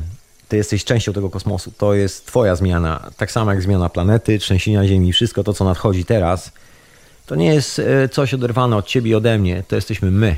To jest ta zmiana, którą, której częścią jesteśmy. Czy chcemy tego, czy nie. Organicznie, fizycznie, emocjonalnie, w każdy z możliwych sposobów.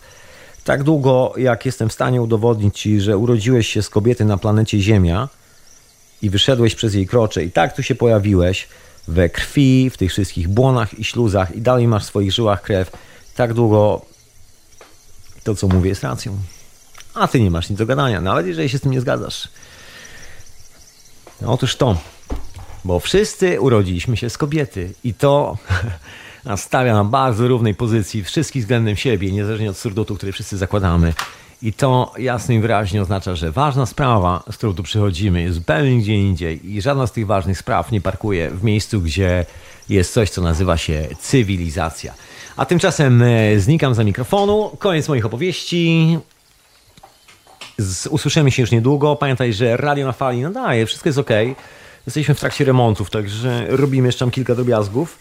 Będzie kilka nowych rzeczy, być może, kto to wie, z, się zobaczy, się zobaczy. Ja na razie nic nie chcę uprzedzać, bo to też takie zapowiadanie przyszłości, wiesz co chodzi.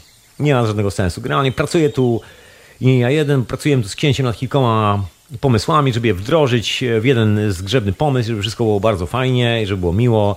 Troszkę odświeżamy wszystkie te historie radiowe. Jak zauważyłeś, playlista odświeżona jeszcze jest nie podpięta do playera, ale masz tam link na stronie głównej radia. Jak potrafisz czytać po polsku, a na pewno potrafisz, to wiesz gdzie to znaleźć. Jest jeszcze na Facebooku, także nie ma problemu, żeby trafić tą informację. Kto szuka, ten znajduje. Zawsze tak jest, także wytrzyma jeszcze chwilę.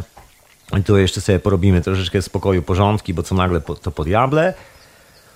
I cały czas oczywiście radio działa, także zapraszam Cię serdecznie do Księcia w środę.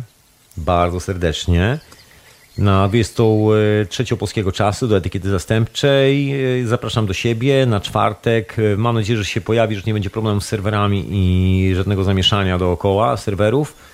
I wszystko będzie działało tak jak należy, także będzie synteza w, we czwartek, czyli technologia cache. Tak, tak, ta technologia, która zasila mi komputery. Wiem, że ktoś opowiada niesamowite rzeczy na ten temat, że wiesz, nie wiadomo co. Ja już prawdę słyszałem takie cuda na temat tej technologii, że to, że, yy, że gdybym jej nie robił i nie wiedział o co chodzi, no właśnie.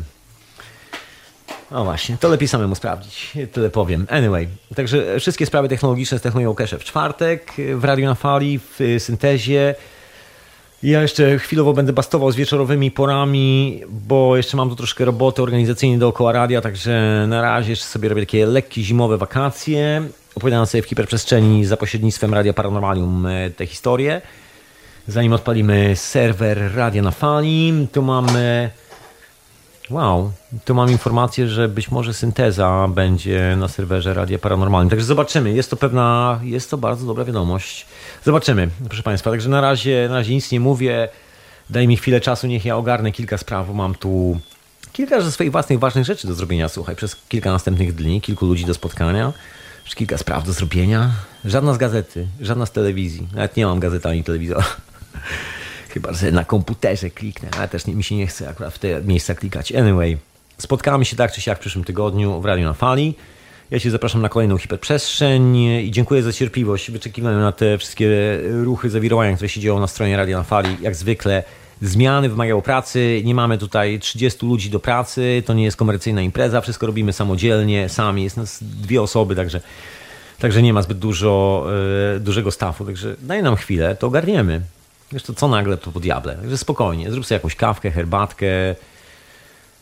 Czas y, relaksu nadchodzi, święta, to ludzie będą mieli więcej wolnego, także można się troszkę powylegiwać i tyle, zrelaksuj się troszeczkę, a ja tak czy siak wrócę z tym całym stafem radiowym już niedługo, tak konkretnie, tak jak zwykle, także nie przejmuj się, wszystko działa, wszystko jest ok. To co? To do usłyszenia następnym razem, człowieku. Dziękuję Ci za Twoją cierpliwość wysłuchiwania moich refleksji na temat y, podróży po kwasie, wiesz, wizji, które mam po, tej, po tych kwasach i tego, jak widzę rzeczywistość. Mam nadzieję, że widzisz podobnie i że nie odbiegamy zbyt daleko od tego naszego wspólnego pola globalnej komunikacji, że nie jesteśmy tymi ślepcami i akurat należymy do tych ludzi, którzy widzą, co się dzieje dookoła. Dzięki temu nam się fajnie ze sobą rozmawia, znaczy mi się fajnie mówi do ciebie, a to byś fajnie, fajnie słucha takiego kogoś jak ja. Także nice, miło i jeszcze raz dzięki.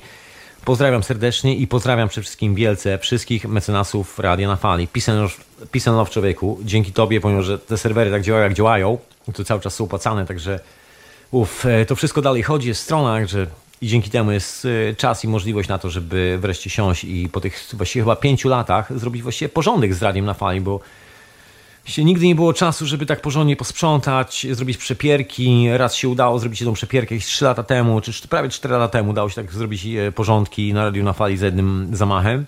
Trwało dwa miesiące. I mam nadzieję, że teraz się uda zrobić e, też takie porządki eleganckie. Będzie trwało już krócej i, i też będzie fajnie. I radio cały czas działa. Tyle. To ja sobie znikam i do usłyszenia następnym razem w Radio na Fali i za pośrednictwem e, Radia Paranormalium. I jeszcze raz na koniec wielkie dzięki Messie i Velios, Pisano Człowieku. Wielkie dzięki za wsparcie serwerami do nadawania. Bez ciebie by się to nie odbyło dzisiaj. To co? To ja kończę tą opowieść na dzisiaj i do następnego razu. Słuchałeś hiperprzestrzeni w radiu na fali.com.